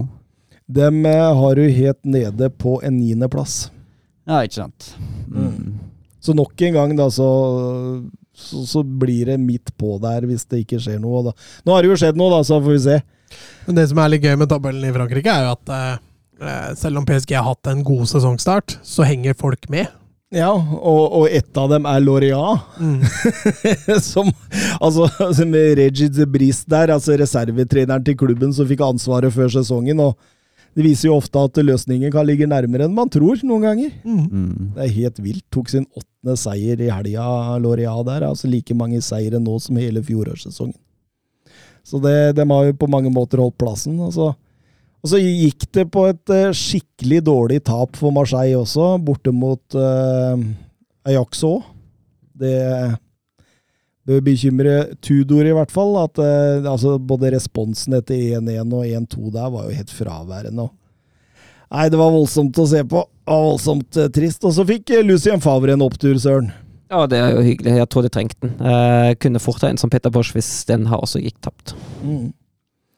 Nei, så det var jo Av de toppklubbene da, på en måte som har fulgt eh, PSG nærmest nå, så, så tapte jo både Marseille og Lance. Men det var Loria som holdt for følge, og Monaco og Rennes som krøyp litt nærmere. Så det, det, det blir et kobbel bak der òg, Mats. Ja, og så er det jo Det er litt sånn som i La Liga, at det er et tidsspørsmål, tror jeg, før PSG får den luka som Lorient holder ikke dette helt inn. Nei. Europahjørnet. Kjør. Bra jobba, gutta! Bra ball! Nei! Ah, grei offside. Tor Håkon, den er grei. Tor Håkon! Nei, Tor Håkon, det var din egen skyld. Ikke bli sint for det, i hvert fall. da. Tor Håkon, ikke kjeft på dommeren. Og ikke kjeft på dommeren. Tor Håkon, nå hører du på dommeren. Det er hver gang, altså. Hver gang. Håkon! Og da kan vi begynne med Forsafugla, da. Ja, det kan vi gjøre. Det var en opptur. Det var en opptur. Det var en opptur. Eh, Viking borte, det Historisk sett så har jo Fugla slitt fælt i, fælt i Stavanger, og, men nå er det Viking som er på en voldsom nedadgående kurve formmessig, så det lå kanskje litt i kortet at Lillestrøm skulle snu det, og det gjorde de. Etter en uh, intens start så, så får man en fin scoring ved, ved Knutsen. Det er utrolig godt gjort for et elendig gjenlegg av Garnås, men eh, Det var jo Blakeren i podkasten Dødball, tror jeg, som sa det at det skulle han gjort også 20 av 20 ganger. Jeg har lagt den opp i krysset her, ja. ja. Ja, for det gjenlegget der, det tror jeg faktisk han hadde klart 20 av 20 ganger. For det hadde ikke vært for at Knutsen lader jo børsa før han får ballen der, Så det er akkurat som han veit at det er Garnås som legger igjen. Så den kan, den kan komme hvor som helst, tenker jeg. Her er det bare å begynne å lade. Eh, Men han bretter den fint opp i krysset der, og, og det setter litt premissene. Og når man da greier å, å sette 2-0 der etter et herlig forarbeid eh, ved Lene Olsen rett etter pause der, så så skjønner man litt hvor det bærer hen, og når man får 3-0, så er det vel egentlig avgjort. Eh, Viking skuffer nok en gang, og, og Lillestrøm endelig tilbake igjen på seierssporet. Nå er det Molde, Molde hjemme i neste match, og det er Molde som i teorien er seriemestere. Eh, og Lillestrøm som da fortsatt har heng. Vålerenga røyker på en smell borte mot Rosenborg, som gjør at de da har en liten luke ned. Denne fjerdeplassen kan jo gi Europa neste år, så den, eh, den er litt viktig. Um, og Man er jo av poeng med Rosenborg og ett poeng bak Bodø-Glimt, så man, man henger jo absolutt med. Og blir, når man er ferdig med Molde-matchen nå, så har man jo fire forholdsvis enklere kamper. da. Nå har man gjort unna Bodø-Glimt, Rosenborg og Viking og Molde på de fire foregående, og da, da er det litt enklere, det som er igjen. Et Åråsen som gjør seg klar på, på hedre, eller i hvert fall ikke hedre, men gi respekt til Magnus Wolff Eikrem. Jeg så de hadde gitt litt penger til Kreftforeninga og, og eh, ja, det, Ja, var, det er det, en var, fin bra, gest. det var bra. Eh, Jeg tror den gjennomsnittlige Lillestrøm-supporteren hater eh, Molde fotballklubb for alt det er verdt. men- Intenst, liksom. Ja, men akkurat det der er jo, er jo å gi respekt, og det, det er strålende, syns jeg. Hvilket lag følger du med i Eliteserien? Har du noen? Nei, det er mest nærliggende blir nå OFK, da. Men eh, ikke fulgt så veldig nøye med på dem, må jeg si. Det har vært artig å følge litt med på Molde når de har gjort det bra, spesielt ute i Europa. For det var en periode der hvor det, de, de virkelig fikk sving på det. Men nei, norsk fotball, det Der er jeg litt sånn som du altså. Det ja. ikke, Henger ikke like godt med som de gutta her. Nei, jeg gjør ikke det, altså. Ja, Ålesund 2 rykker opp, da, ser det ut som. Ja, ser du. Det der veit Det, ikke det, det, det har de kontroll på, sånne Ja. ting. Det er helt vilt. Ja, søren. Ajax de har slitt i det siste. Ja, Ajax har slitt i det siste. Uh, tre tap og en uavgjort i de siste fire tellende kampene. Uh, et lite press borte mot Volendam, uh, med fem poeng. Tabell jumbo i æresdivisjon. Og det tar tid. Det tar tid før Ajax begynner å skape sjanser, men de får hjelp etter et kvarter av det Bor, som henter seg helt i hjørnet av 16-meteren. Egentlig en helt ufarlig situasjon, men det blir straff for å ta settet 1-0. Eh, og nå eh, begynner Ajax å skape sjanser, samtidig som de det ser ikke trygt ut bak. De er ikke trygge på overganger. Det er noen frispillingsfeil, men Ajax uh, er nå det klart ferdigste laget, det klart beste laget. Uh, øker til 2-0 ved Bessay fem minutter før, pause, før pausen. Uh, og har også en del sjanser i andre omgang, som eh, etter 64 minutter setter Brobby 3-0. Og da skulle man jo tro at 3-0 bort mot tabelljumboen, halvtime igjen, dette her skal gå. Skulle man tro. Nei, Eh, det ble mer spennende. det ble enn- spennende. Uh, ti minutter seinere er det en fryktelig feilpasning av Timber, som for øvrig hadde en fin assist til Brobby på 3-0. Uh, gikk fram i, i åpent spill og spilte gjennom Brobby. Uh, Sefuig han får gå mot mål. Skyter ganske nær keeperen, men uh, Pasver han klarer å la den gå under kroppen og eh, produsere en solid keepertabbe til 1-3. Og fem minutter for slutt så er det Eiting som plasserer ballen i nederste hjørne. Og så er de kun en liten offside av innbytteren Henk Wehrmann unna at det ikke blir 3-3 ett minutt før slutt. Et kjapt tatt frispark tar Ajax fullstendig på senga. Forsvaret henger ikke med i det hele tatt, og Wehrmann er egentlig gjennom og skårer, men han er han, han, eh, han er en eh, halv meter i offside, og da blir det annullert. Uh, helt riktig. Og Klasen setter 2-4 uh, på overtid, men Ajax stikker av med tre poeng, men på ingen måte en betryggende seier. Og eh, ja, men dette, altså, her har Alfred Schreuder en solid jobb foran seg, altså. Mm. Veldig spent på hvordan det går eh, mot Napoli. Uh, hvis ikke det kommer en eh, solid forbedring, så kan det bli stygt, altså. Det kan bli stygt. Det kan bli stygt. Ja, følger du med noe i Eres-divisjonen, da? Eller er det bare 90 minutter som opplyser deg litt? Det er egentlig det, altså. Ja. Det, altså det, Jeg syns det var fole artig når det eh, Ajax gjorde det bra i Champions League. Den fotballen de spilte når de drev og slo Real Madrid og eh, ja. Nei, det var vanvittig artig. Men Nei, det er sjelden det de eh, nederlandske klubbene klarer å yte noe sånt eh, på det jevne, syns jeg. Er det Aset som leder enda, da, Søren? Oh, vet du hva, det har jeg faktisk Nå skal jeg faktisk innrømme at det har jeg ikke sjekka. Her bryr man seg bare om Ajax, skjønner du. Det er Aset, for jeg tror PSV ligger nede på tredje. Det tror jeg du har Aset leder foran Ajax og PSV. Aset med 23, Ajax med 21, PSV med 20 Nei, unnskyld. Aset 23, Ajax 22, PSV 21 og Feyenoord på fjerde med 20. Ja. Så det, det er godt å hjelpe. Tripp, trapp, tresko. Og så var det en uh, liten luke ned til Tvente på femte. Ja, i Liga NOS så tok Benfica imot Rio AV.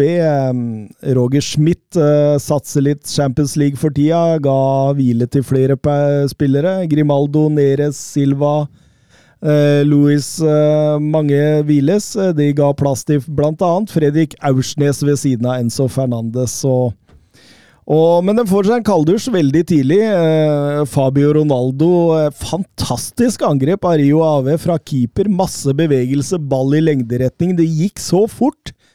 Og ballen satt i, i, i nota bak eh, keeper der på Jeg tror det angrepet tok eh, sju sekunder eller noe sånt. Nå.